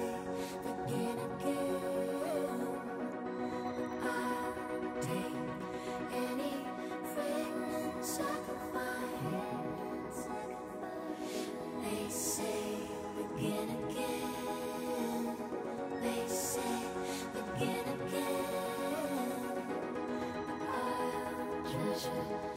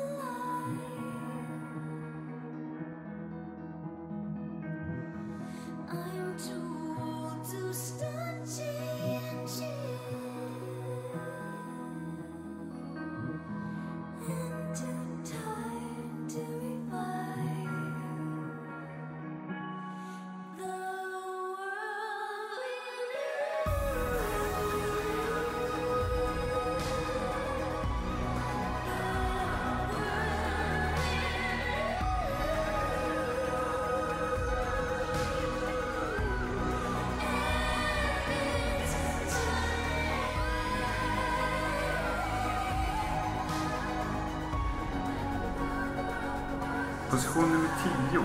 Nino Kuni Wrath of the White Witch. Det här var ju ett spel som verkligen tog mig med storm. Alltså världen är så fantastisk. Alltså dels så är det naturligtvis Studio Ghibli som har varit inblandad i det här. Ehm. Och de är ju väldigt bra på att bygga upp älskvärda och minnesvärda platser och karaktärer. Och jag älskar hur liksom man vandrar mellan de här två parallella världarna egentligen. Sen så visst, det kanske är lite för långt och att det liksom lider av den sjukan som många rollspel lider av. Liksom att du måste liksom öka dina kar- karaktärers nivåer för att ha möjlighet att ta dig vidare och det kan dra ut väldigt mycket på tiden. Jag tror att personligen stannade jag nog på 85 timmar eller någonting och då gjorde jag liksom inte så extremt mycket sidouppdrag. Men det var liksom bara för att Alltså framförallt bossstriderna var så otroligt utmanande. De är ju verkligen jättesvåra. I relation till andra spelet då som har gjort så mycket lättare och mer tillgängligt. Det som första spelet däremot har det är ju en väldigt medryckande berättelse som också, eh, precis som spel jag har nämnt tidigare, börjar väldigt starkt. Alltså, det är ju en väldigt sorglig upplevelse, en väldigt betungande upplevelse. Som man som en väldigt ung karaktär då får uppleva. Och liksom hur man hanterar det eh, i skorna som den karaktären går i. Sen är det ett sånt här spel som, det tog lång tid innan jag blev klar med det. Jag spelade det liksom under väldigt lång tid eh, i, i verkliga världen. Eh, I och med att liksom, det var ett ganska stort åtagande för mig. Eh, och jag spelade det när jag liksom var ganska så tidigt i min liksom eh, videospelarcykel, eller vad man ska säga. Jag hade liksom inte spelat så många så stora spel tidigare på det sättet. Eh, och när jag var klar med Nino Kuni, alltså jag kände mig så himla klar. Eh, för slutbossen tror jag att sista försöket på slutbossen tror jag tog mig 40 minuter att mula den bossen. Och det var så otroligt utmanande både fysiskt och psykiskt att jag typ bara ville lägga mig ner på golvet och eh, svettas ut. Men det var en fantastisk resa. Mm. Det hade ju kunnat vara slut egentligen med Shadar. Eller The Dark Gin som man också kallas. Men eh, det blir liksom ett eh, rollspelslager till så som det oftast blir liksom när det kommer en liten twist. Position nummer 9, Super Meat Boy. Återigen ett perfekt exempel på när spel är svåra på rätt sätt. För man kan jättegärna sitta och liksom svära och hitta med näven mot himlen när man spelar ett sånt här spel. Men det går så himla fort att återgenerera sin karaktär. Det är liksom bara att ja, men du faller och så reser du upp igen. Du testar nya vägar. Du kommer lite längre fram hela tiden. Du kommer på någonting. Tar det lite längre fram och sen så fortsätter man liksom så att man dör. Och sedan så ökar man progressionen hela tiden lite grann. Tills man klarar banan. Och när banan väl klaras så är det så extremt belönande. Ja. Och när det liksom till synes ser omöjligt ut från början och man så bara hur fan ska jag klara det här? Och sen så lär man sig bit för bit. Och till slut så att den liksom första delen som man tyckte var så jävla svår den liksom bara sopar man sig igenom för att det är liksom man kan den utan och innan. Och, och precis som i Lonely Mountains där så blir det så att förlorar du så kommer du direkt börja om på en gång. Ja. Det är liksom inga väntetider utan det är liksom instantly. Ja, men det är toppen verkligen för att det behövs ju i ett sånt spel att det behöver vara medryckande, det behöver hålla tempot uppe. Och det var så himla roligt bara att spela igenom det. Alltså även att det var jättesvårt och precis som jag deklarerat många gånger tidigare så jag är inte vidare bra på videospel alltså. Däremot så är jag envis som en bergsget och kände att det här är ett spel som jag verkligen vill ta mig igenom. Och att spela igenom det bara gjorde mig liksom Det känns som att jag liksom blev en rikare människa av den upplevelsen. Som så många andra spelupplevelser naturligtvis. Position nummer 8, Bioshock Infinite. Ja, det här är en upplevelse som har vandrat lite så upp och ner i den här listan. Ehm, det var väldigt svårt att veta var jag skulle sätta den slutligen egentligen. Det här var ett spel som jag fullkomligt förälskade mig i när det kom. Jag köpte det och eh, spelade det ganska så tidigt ändå. Eh, efter att det släpptes. Det var jag och en kompis från eh, gymmet, en instruktörskollega som gick och köpte det samtidigt. Eh, hon köpte det till Xbox 360 och jag köpte det till PS3. Och jag vet inte om hon än idag har spelat igenom det men när jag spelade igenom det så satt jag som en fågelholk genom hela eftertexterna och typ en halvtimme efter att eftertexterna hade slutat och bara undrade vad fasen är det jag just har spelat liksom. För det kändes som att berättelsen Alltså den var så, så ny för mig. Alltså precis som jag har sagt tidigare att spelmediet kom liksom inte in i mitt liv på det sättet som det är nu. Förrän alltså brytpunkten 2012-2013. Så jag var ju väldigt ny till vad spelmediet kunde göra med en liksom. Och den berättelsen bara tog mig med storm. Och hur den verkligen så här knycklade ihop ens hjärna i hur man liksom försökte förstå sig på hur vissa saker hängde ihop. Sen så, jag är inte jätteförtjust i första persons skjutare. Och eh, just den här är inte så jättebra. Jag tycker att den är väldigt osmidig faktiskt. Men jag kan se förbi det ändå någonstans för att jag tycker att karaktärerna och berättelsen är tillräckligt slående i sig. Ibland så blir man naturligtvis förgrymmad på liksom spelmekaniken i sig, liksom när man ska ta sig igenom de här tre sekvenserna av spöktanten till exempel. Alltså då vill man ju bara gå och lägga sig. Så är det ju. Mm. Men ja, jag har än idag fortfarande svårt att se på spelet utan att liksom bara se på det med så enorm värme. Det känns som att jag har liksom glittriga glasögon på mig när jag ser på det här spelet ändå. Även att det har sina skavanker. Mm. Jag gillar konceptet, liksom hur de löste tidsresan och sådana Mm. grejer. Det, det var liksom jättebra gjort. Sen så finns det ju andra problematiska aspekter som hela den här med Vox Populi och liksom motståndarrörelsen. För att det är liksom så att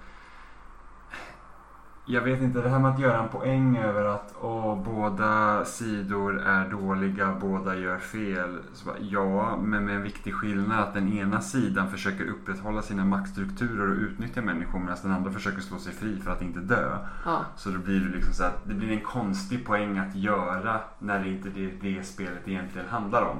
mm. Utan det blir, då blir det bara som en, liksom en, en bakgrundsbrus. Och det finns ju väldigt många bakomliggande faktorer till att motståndsrörelsen Brukar våld. Precis. Eh, och det är ju liksom ganska så klassiskt också i hur det kommer sig. För att de har liksom fått leva under förtryck. Och den världen man kommer upp i till Colombia som till liksom en början ser ut som en utopi som man har kommit till. Den är verkligen besudlad av så mycket liksom underliggande mörker. Ja. Position nummer sju. The Witcher 3. Jag Ja. vet inte varför jag säger siffrorna på engelska ibland. The Witcher 3, vi Mm. säger så.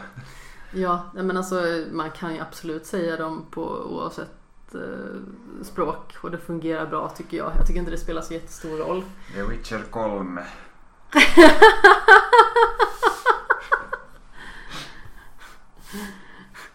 The Witcher. Die! Ja. Ja, eh, hur som haver. Eh, jag är ju inte så jättestort fan av öppna världar precis som jag har deklarerat eh, x antal gånger i både den här podden och i andra poddar tidigare. Men The Witcher 3 är så unik i sin uppbyggnad. För det känns som att allting som man gör, varenda litet sidouppdrag som man tar sig an, varenda liten eh, filur man stöter på, det, det känns som att det gör skillnad. Det här är en värld som lever.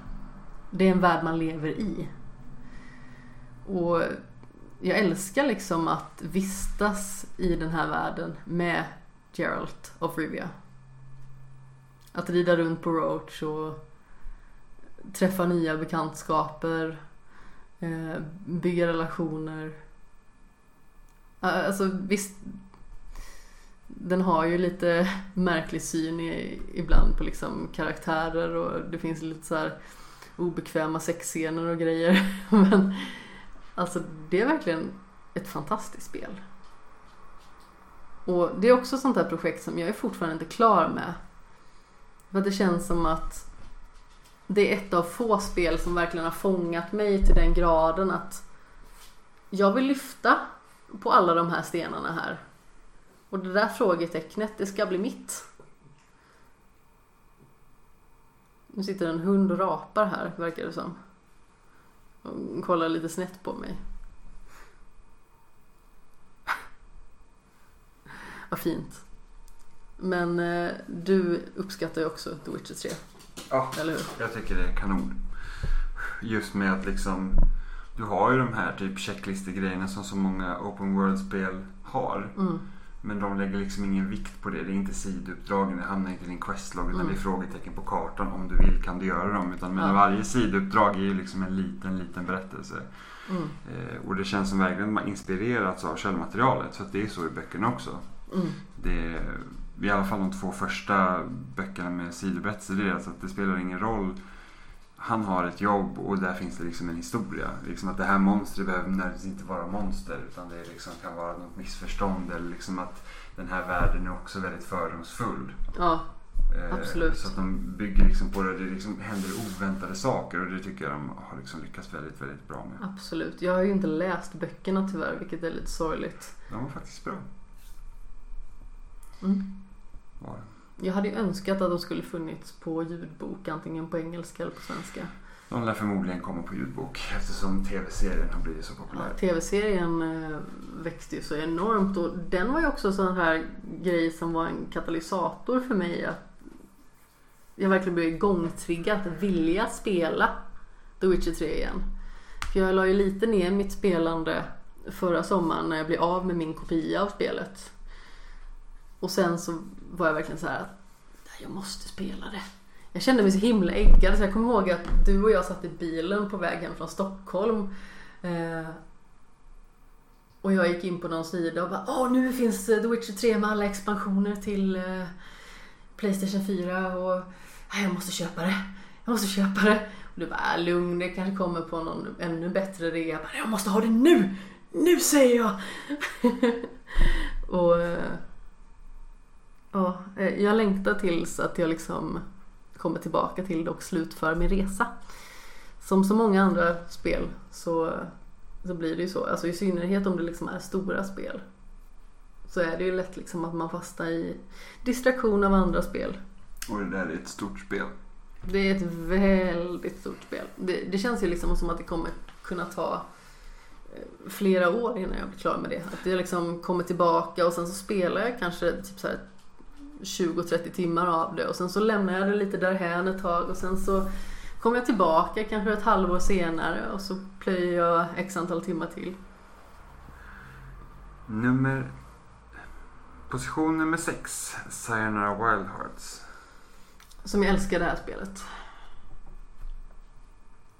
Alltså jag vet inte om jag kan liksom hitta en faktisk aspekt i det här spelet som jag bara så här, ja det var väl lite sådär. Utan allting i det här spelet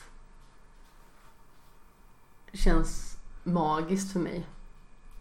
Det är en ganska kort upplevelse men under den tiden så skapas så himla många känslor. Och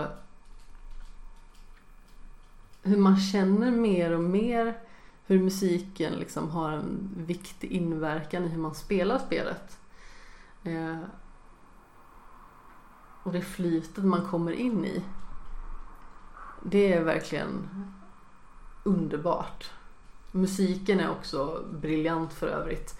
Jag tror att det är ett av de eh, soundtrack som jag har lyssnat mest på under senaste året. Det är ju nästan ett år sedan som, som det släpptes. Mm.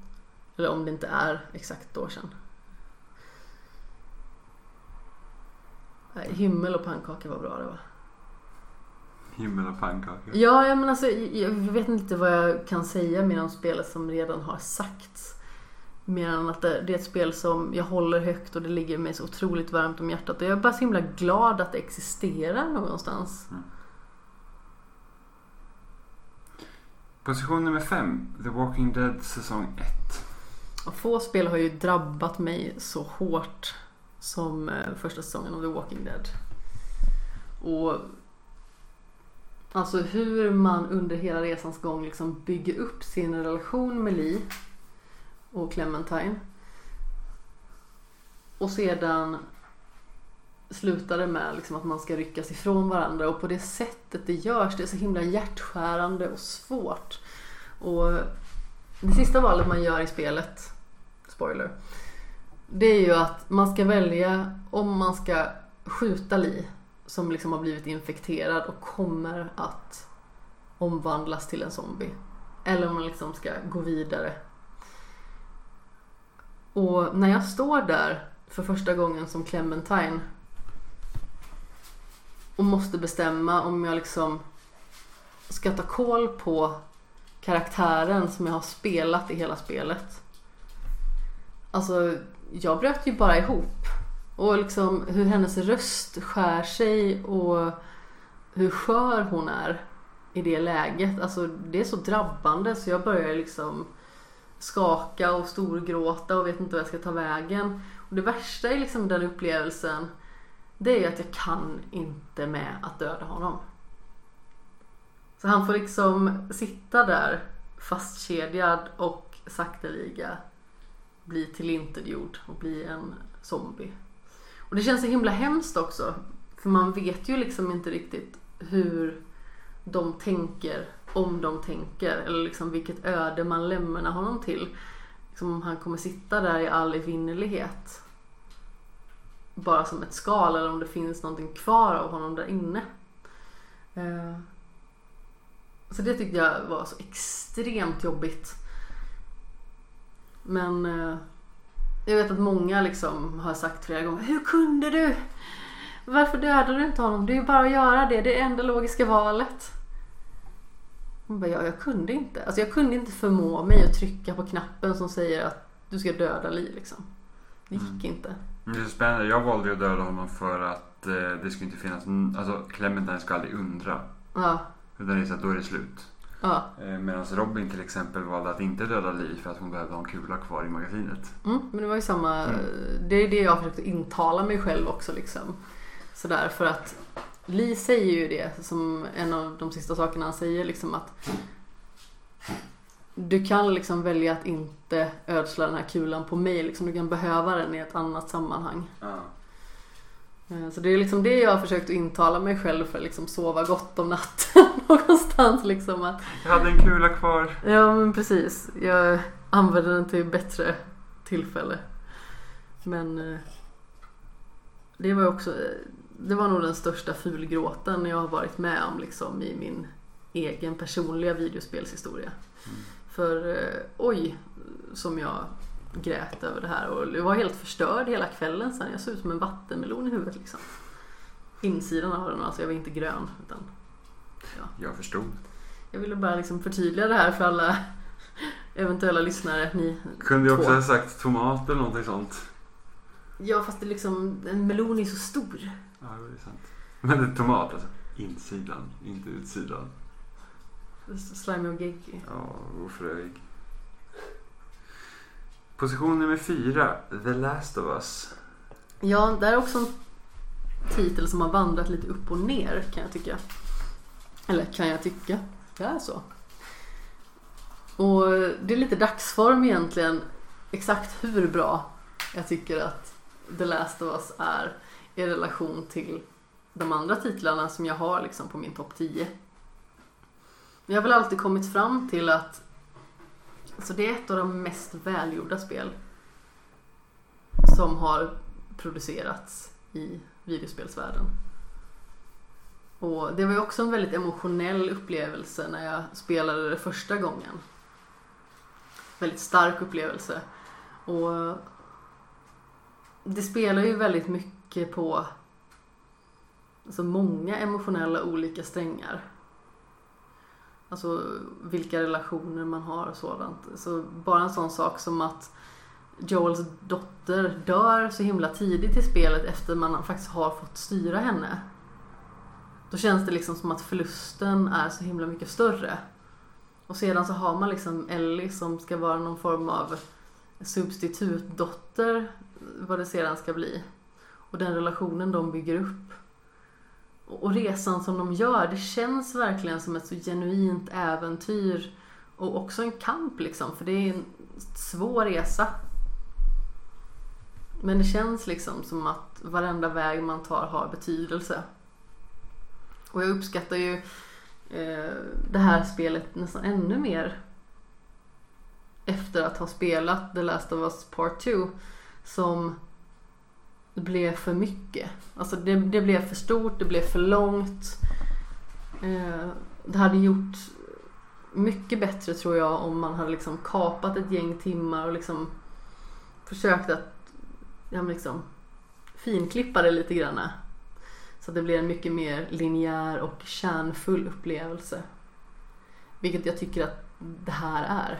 Jag tycker att det finns så himla lite att klaga på i, i första The Last of Us. Förutom kanske då eh, möj, möjligtvis lite att första delen är väldigt lång. Alltså Visst är det sommar som är liksom första delen då Mm. skulle man väl kunna säga. Och det känns som att den är väldigt lång i relation till de andra som eh, känns lite mer i, i samma längd. Och i första delen så tycker jag också att man går i väldigt så här, likadana miljöer. Medan de andra delarna så blir det lite mer intressant. Lite mer variationsrikt. Och naturligtvis så har vi ju det eviga med Naughty Dog liksom och deras spel att det är så mycket skjutande. Det är så mycket dödande. Men eh, det är ändå lätt att se förbi det när man spelar ett sånt här fantastiskt spel. Position nummer tre.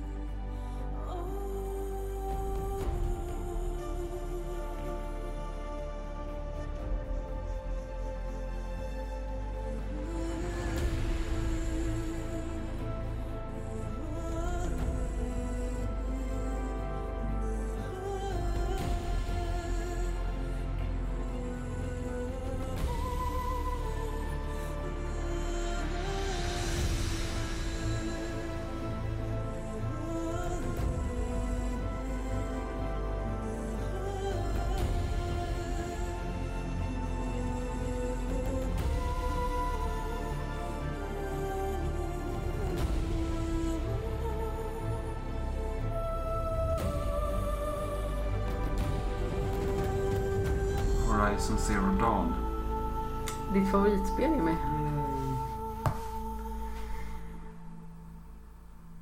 Alltså är det en öppen värld som har fångat mig mest så är det den här. Och jag kommer ihåg liksom att alltså dels var det en viss stolthet i att jag fick förtroendet att recensera det här nya spännande spelet som liksom hade börjat bli ganska omtalat. Och jag fick ju också spela det innan några åsikter om det kom ut överhuvudtaget. Och hur jag bara liksom sögs in i upplevelsen och bara absorberade den med hela min liksom livsform på något vis. Alltså, det var så himla speciellt. Jag ville inte göra något annat än att spela det här spelet. Och först efter jag liksom hade plöjt 20 timmar eller någonting under den ganska så lilla tidsram man har för att recensera ett spel så tänkte jag bara just det, jag kanske borde börja fila på en recension. Och det är få spel som jag liksom har känt mig så extremt dedikerad när jag spelat det. Och jag vet att Zelda släpptes samma år och att du håller det mycket högre Mm. och att du har ett agg till Horizon mycket på grund, det, eller på grund av det. Men jag, alltså, jag älskar det här spelet. Jag tycker historien är väldigt spännande. Jag tycker att protagonisten Aloy är alltså, kanon för att hon står så himla mycket på sina egna ben. Hon är häftig, hon är stark. Hon är inte liksom översexualiserad.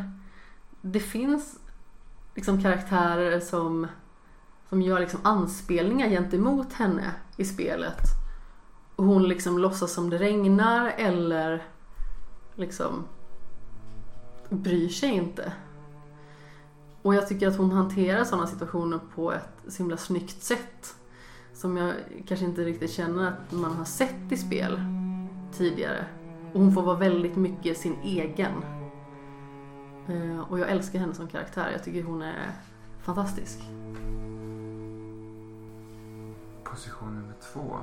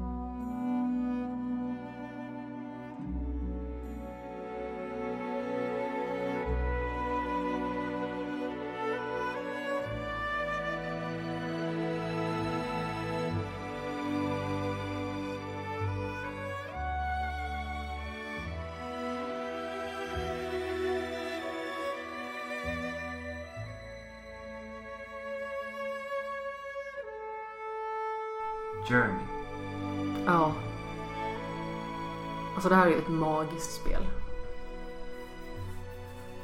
Du sätts liksom i en värld som är alltså så öde som den bara kan bli liksom till synes.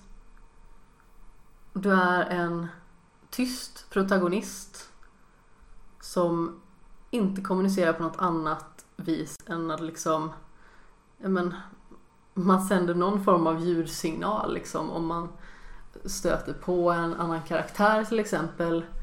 Eh, vilket jag inte gjorde under min första genomspelning för att jag spelade inte över nätet. Nej! Eh, utan jag spelade helt själv och jag tror att jag tror att det gjorde spelupplevelsen för mig ännu bättre. Alltså jag har spelat det över liksom, nätet senare och tyckte att det liksom var spännande liksom, när det kom en annan traveler. Eh, men jag tror att liksom, den här utelämnande och ensamma känslan, liksom, att du är en karaktär, du färdas mot ett mål. Du ser det här målet hela tiden och det liksom blir så alltså, visuellt slående för en. Att man har det här målet som inte är uttalat men man vet att man ska dit och man går mot det målet hela tiden. Och just den här liksom avslutningen, det här crescendot i att helt plötsligt börjar karaktären i snön efter man liksom har gjort liksom en eh, transformation där liksom att det har, det har gått liksom från öken till snölandskap. Helt plötsligt så börjar karaktären stappla och gå långsammare och man sitter där med kontrollen och bara känner att men kämpa. Det här ska liksom gå. Det här är liksom bara en tuff fas men vi tar oss igenom det här. Det är inte konstigare än så. Och sen så stupar karaktären framlänges och dör. Det var också liksom en grej som precis som eh, avslutningsscenen i The Walking Dead. Alltså det, det slog mig så himla hårt. För det, man kände liksom så här, vi är nästan framme. Kom igen, vi, vi, vi ska klara det här. Vi har gjort hela den här resan tillsammans och sen så bara dör man. Mm. Och det kändes så himla tungt också. Jag, jag, jag märkte liksom på mig själv också hur mer panikslagen jag blev. Liksom, eh, desto längre jag tog mig upp för liksom, berget då, eller grunden av berget. Och liksom hur jag började så här med de här långsammare stegen, började liksom skaka och sen liksom började tårarna komma och det, liksom- det var det var en hårt slående upplevelse kan man lugnt säga.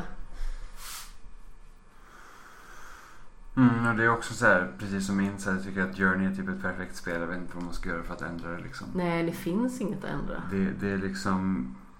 Jag kommer ihåg att jag, när jag spelade första gången så då hade inte jag och Oliver känt varandra jättelänge än.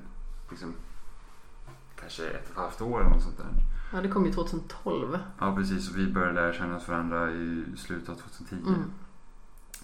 Och, och han var ju så att han tänkte inte köpa det egentligen. Liksom, så för att han, det är inte den typen av spel han spelar. Och sen så jag köpte det och sen så han bara, vi kan väl sitta i party och spela samtidigt. Och han, han tyckte det var lite tråkigt att vi inte kunde spela på en, på en gång från början. Eftersom det, man möter ju bara slumpmässiga personer.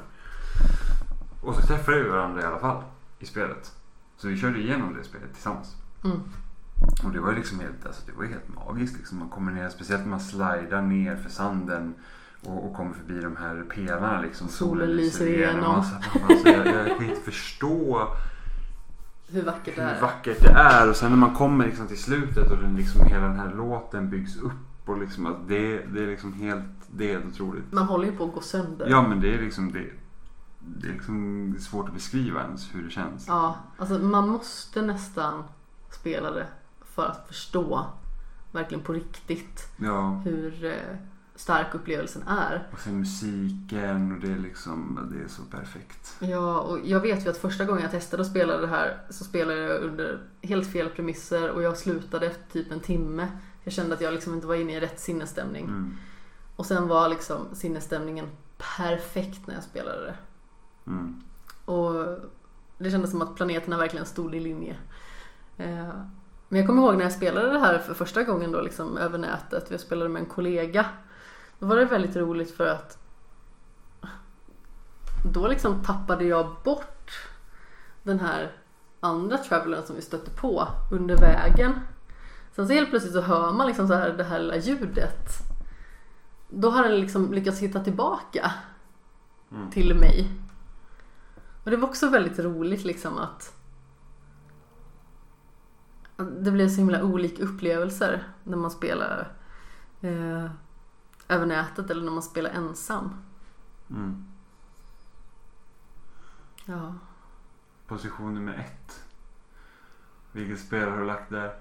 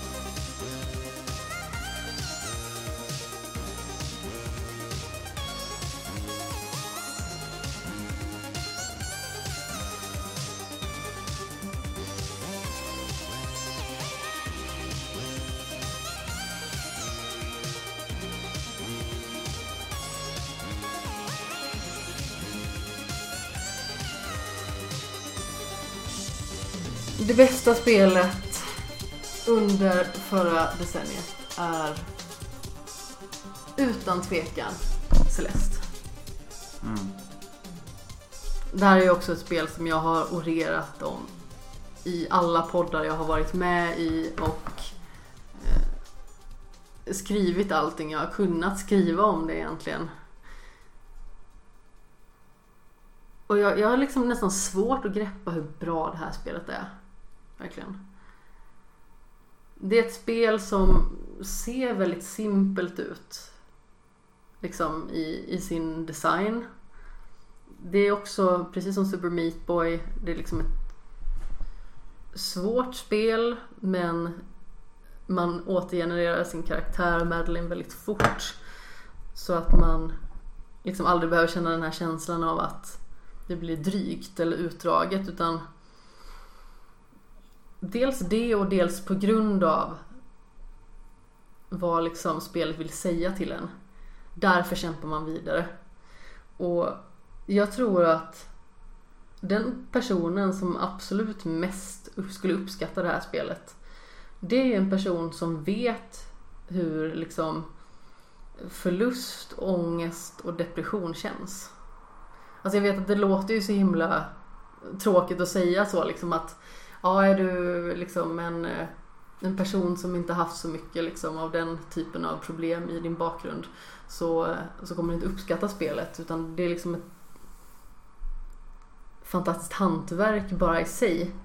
Men jag tror att de associationerna man kan göra, liksom hur man bestiger det här personliga berget, hur elak man är emot sig själv och hur det till syvende och sist liksom är en själv som är ens värsta fiende. Ehm, Det är väldigt starkt. Och Mm. liksom det här berget Celeste som man ska bestiga. Det är liksom en så utmanande resa och man faller ner. Men på något mirakulöst vis så reser man sig upp igen och man tar sig lite längre. Eh, Och till slut så når man toppen. Och det är liksom en euforisk känsla. Mm. Jag vet också liksom på det personliga planet att man liksom kan känna så att nu har jag bestigit det här berget. Jag har liksom inte mått dåligt på si och så länge eller jag har inte upplevt det här på sån här lång tid. Liksom när man känner att livet liksom får en vändning eh, och att man får lov att må bättre någonstans. För jag hade ju en period som liksom var väldigt präglad av eh, ångest och depression och liksom sömnparalys och sånt som inte gjorde det bättre och det blev en ond cirkel. Jag ville liksom sluta vara ute bland folk. Jag hade ett väldigt socialt jobb och det blev liksom svårt att hantera. Man liksom måste visa sitt bästa gentemot omvärlden. Man måste vara den bästa versionen av sig själv hela tiden. Det finns liksom ingenting som heter misslyckande. Du kan liksom inte visa dig sårbar för personer som ser upp till en och som du ska vara en förebild för. Eh, och det är då liksom man måste ta ett steg tillbaka och eh, inse liksom att man kan inte fortsätta och behandla sig själv på det viset som man gör. Utan man måste förändra någonting Mm. för att kunna ta sig ur den onda cirkeln och bestiga berget. Mm. Och precis som du liksom också har påpekat jättemånga gånger att alltså det smarta är att man har implementerat alltså hur svårighetsgraden i stort sett är en del av berättelsen. Mm. Eller berättandet snarare liksom. Det är okej att känna som man gör. Och det är också lika okej att, att be om hjälp då i, i form av att man kan sänka svårighetsgraden på ett väldigt liksom skräddarsytt vis. Mm. Ut efter ens egna liksom preferenser. Mm. Ja, spelmekanik och berättelse gifter sig så himla Mm. bra. Ja men det känns som att det här spelet är liksom en, en kärleksförklaring till alla som eh, någon gång liksom har behövt att bekämpa den här typen av eh, berg. Mm. Ja, ett mycket bra spel. Ja, enligt mig så är det ju typ liksom det bästa, eller ett av de absolut bästa spelen jag vet. Jag längtar efter att spela om det faktiskt. Mm. Det kommer den här extra episoden Mm. som inte jag spelar heller. Nej, jag tänkte att jag skulle ta mig an den jag faktiskt eh, spelar om spelet. För jag har ju liksom planerat att jag ska ta Platinum i det här. eh, vad fnissar du åt? Det är fan svårt alltså. Nu Ja. kan man ju för sig ställa in så att det blir Mm. lättare så man kan ta det i alla fall. Men fan, jag är på... Nu jag klarat tre C-sidor. Mm. Och jag har tre kvar något sånt där. Ja, men alltså det är ett väldigt utmanande spel. Ja, och många Men- gånger är det så att man bara känner så att jag tror inte att jag kommer klara det här. Och sen så lär man sig, precis som Super Meat Boy och, sådana spel. Så Och sig. precis som i verkliga livet ändå. Liksom, det är Ja. det som andemeningen är här. Att saker kan verka så himla omöjligt. Och det kan verka som att allting är kört. Men många gång kan man liksom finna en väg för att ta sig vidare. Mm. Det gäller liksom bara att man måste försöka hitta lösningen. Eller liksom att man är tålmodig och låter liksom lösningen komma till en på något vis. Nu lät det väldigt så här spirituellt och ostigt. Men det är ju så. Mm.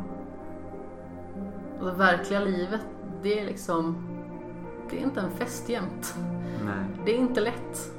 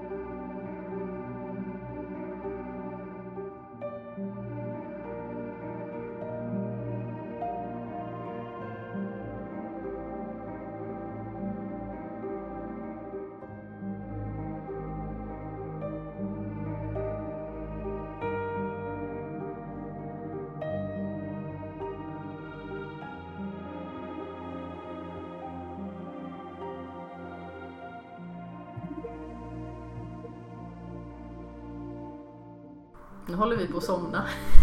Jag är ganska trött. Eller jag håller inte på att somna. Eh, Jimmys ögon klipper lite. Ja, du, de känns tunga. Ja, det har varit en hård kväll och natt. Mm. Nej men eh, som sagt. Vi har eh, tagit oss igenom de sista 50 positionerna på min topp 100-lista och jag hoppas att det liksom har varit roligt att lyssna på. Alltså, har det inte varit det så det är förmodligen enda gången någonsin som jag gör en topp 100-lista och går igenom den. Eh, jag ska inte säga för mycket för jag älskar ju listor och är en eh, listoman utav eh, bara tusan. Och det är väldigt roligt att göra listor och naturligtvis så kommer ju liksom Shame of the Year senare. Eh, precis efter årsskiftet då liksom och vi kanske smyger in någon liten lista då och då. Men eh, tanken är ju att skämshögen ska återvända liksom till hyfsat det vanliga. Nu är det liksom så att du har ju bott här i Alingsås i ungefär tre månader. Och det blir ju lite så att när vi har spelsnack som är väldigt specifikt utsatt att det ska vara en gång i veckan. Eh, då är det liksom det som blir prioriterat. Och i och med att inte vi exakt vet om du liksom ska börja skolan uppe i Stockholm igen eller om du får jobb där eller om du får jobb här så blir det lite ovisst och det är också liksom eh, lite lurigare att prioritera för att man vill ju kunna spendera så mycket tid som möjligt eh, nu under sommaren när alltså, dels det är lättare att vara lite mer flexibel dels så är det ju semestertider också. Eh, men tanken är ju liksom att det ska försöka komma tillbaka och existera lite mer frekvent och kanske smyger sig in lite mer gäster som, eh, som kommer från andra håll också. Naturligtvis. Och sedan kanske vi gör någon liten överbryggning mellan spelsnack och skämshögen också. Men eh, tanken är väl i alla fall att det ska återgå någorlunda i september här igen. Vad säger vi? Hur avslutar man ett sånt här avsnitt? Jag vet inte. Nej. Hur har du själv eh, känt som du, du har liksom suttit på andra sidan och bara eh, lyssnat på vad jag tycker i stort sett och eh, rabblat positioner. Du bara, har du, hur mycket fel tycker du att jag har? Jaha, nej men det, det är en gedigen lista så det är inte det. Det finns det är väl inget spelet som jag liksom bara säger jaha vad, vad konstigt. Jaha. Jaha, nej. In, inget, inget sånt liksom. Nej. Sen tror jag inte att vi delar så många positioner dock. Nej. tror Journey är väl det som är närmst. Ja. Tror jag också har det på andra plats. Mm, Nej men precis, jag har för mig att vi har diskuterat det tidigare faktiskt. För Mm. vi gick ju igenom eh, våra fem favoriter från decenniet i spelsnack. Så vill man lyssna på det och lyssna lite mer på vad Jimmy tyckte och Oliver och Johan också. Så eh, borde man lyssna på det avsnittet. Men vill man kontakta skämshögen på ett eller annat vis, kanske liksom säga vad man tyckte om listan eller eh, kanske vill man själv säga vilket spel som man tyckte var bäst under förra decenniet så kan man ju skriva till skämshögen på sociala medier i form av snabla skamshogen. Finns ju på Facebook och eh, skamshogen snabla gmail.com. Men eh, ja, vi ska väl egentligen gå och lägga oss. För eh, nu är klockan eh, fem i ett på natten. Och vi känner oss väldigt klara med den här topp 100-listan. Ja.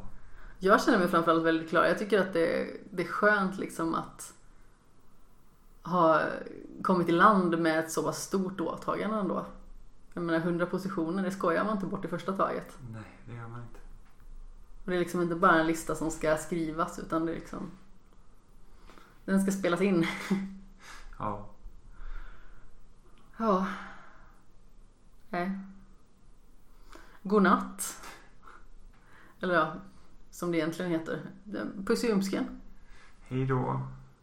Oj vad ynkligt. Nej, Oj, fel oj, oj. Nej. Ynk, ynk, ynk, ynk, ynk, ynk, ynk.